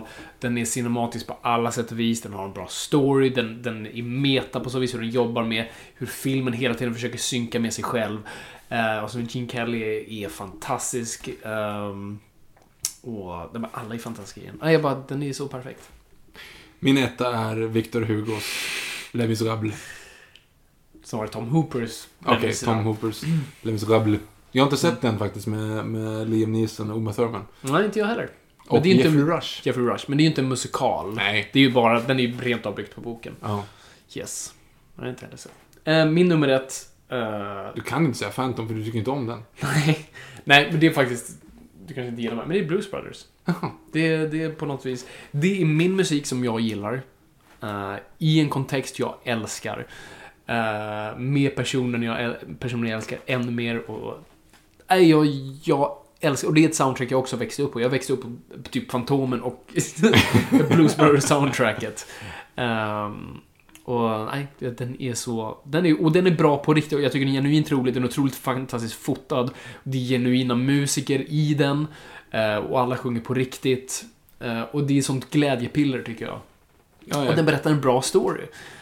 Ehm, en, en salvation story, så att säga. Trots att det är en komedi. Men, Nej, jag tycker den är rolig också, men kanske inte... Det är inte Les bra. Nej, men det är mer... Det går subjektivt på mig, men absolut. Ja. Jag, bara, jag först började tänka nu så här, jaha, men är det verkligen en musikal för de sjunger inte spontant? Men det gör de faktiskt. Aretha Franklin gör ju verkligen det. Ja, gud ja. Nej, men alla, det är bara spontansång, förutom när de står på scenen så, Mm. såklart. Men annars är det hela tiden så bryter de ut i spontansång. Mm. Så att, eh, ja. Det, det var dem. Eh, Jag hoppas ni, ni, ni är kvar. Ni får, ni får det. Vi kan ju se det på Acast nu. Vi kan ju se när folk droppar av. Åh herregud. Så vi kommer märka att efter så här, två och en halv minut av, av falsksjungande Fantomen på Operan så är det verkligen så här, nope. Åh gud. Ja, ni får jättegärna skriva till oss på Twitter på hashtag Noipod eller på vår Facebook-sida. Det är Nörden och jag där. Instagram kan kan ni också eh, skriva till oss eh, på atnoipod. N-O-J-P-O-D. Precis. Ja, ja eh, så, så hör av er och säg vad liksom Gick det ut för när vi lämnade Moviesin eller gick det okej? Och sen så hörs vi faktiskt till och med nästa vecka. Vi hörs nästa vecka, exakt. Nu blir det Noipod varje vecka. Om ni gillar det. Vi kommer testa det nu ett tag framförallt och se liksom... Säger ni bara nej, hör, ni, ni klarar inte av det här. då får ni säga det och då får vi väl lösa det på något vis. Men vi testar det nu och vi vill fortsätta med det. Så det, hör av er till oss. Så att det är nästa torsdag. Eh, och det, det är väl det. Vet, har, du, har du något att säga Viktor? Något du vill plugga? Nej, det, det är bra faktiskt. Jag tycker bara att det är jätteroligt när ni hör av er och vi älskar er alla. Mm. Eh, när ni skriver på hashtag Noipod. Jag vill plugga Bamse och Häxans dotter. Gå och se den om ni inte redan har gjort det. Ehm, och sen vill jag plugga för Acast. Ladda ner appen. Eh, den är bra. Så hitta oss där. Men det är som sagt, ni kommer kunna lyssna precis som vanligt på alla andra ställen. Så det är ingenting som kommer förändras där. Vill ni lyssna på oss på iTunes? That's fine. Eller var nu den är någonstans. Så att allt är, allt är som vanligt. Precis. Ja. Okej Viktor, That's ska vi bomma igen det här då? Okej, tack så jättemycket för att ni har lyssnat. Det är kul att vara lyssnare. Kom ihåg gott folk, ingenting är för nördigt. Do you hear the people sing, singing the song of angry men? It is the music of a people who will not be slaves again when the.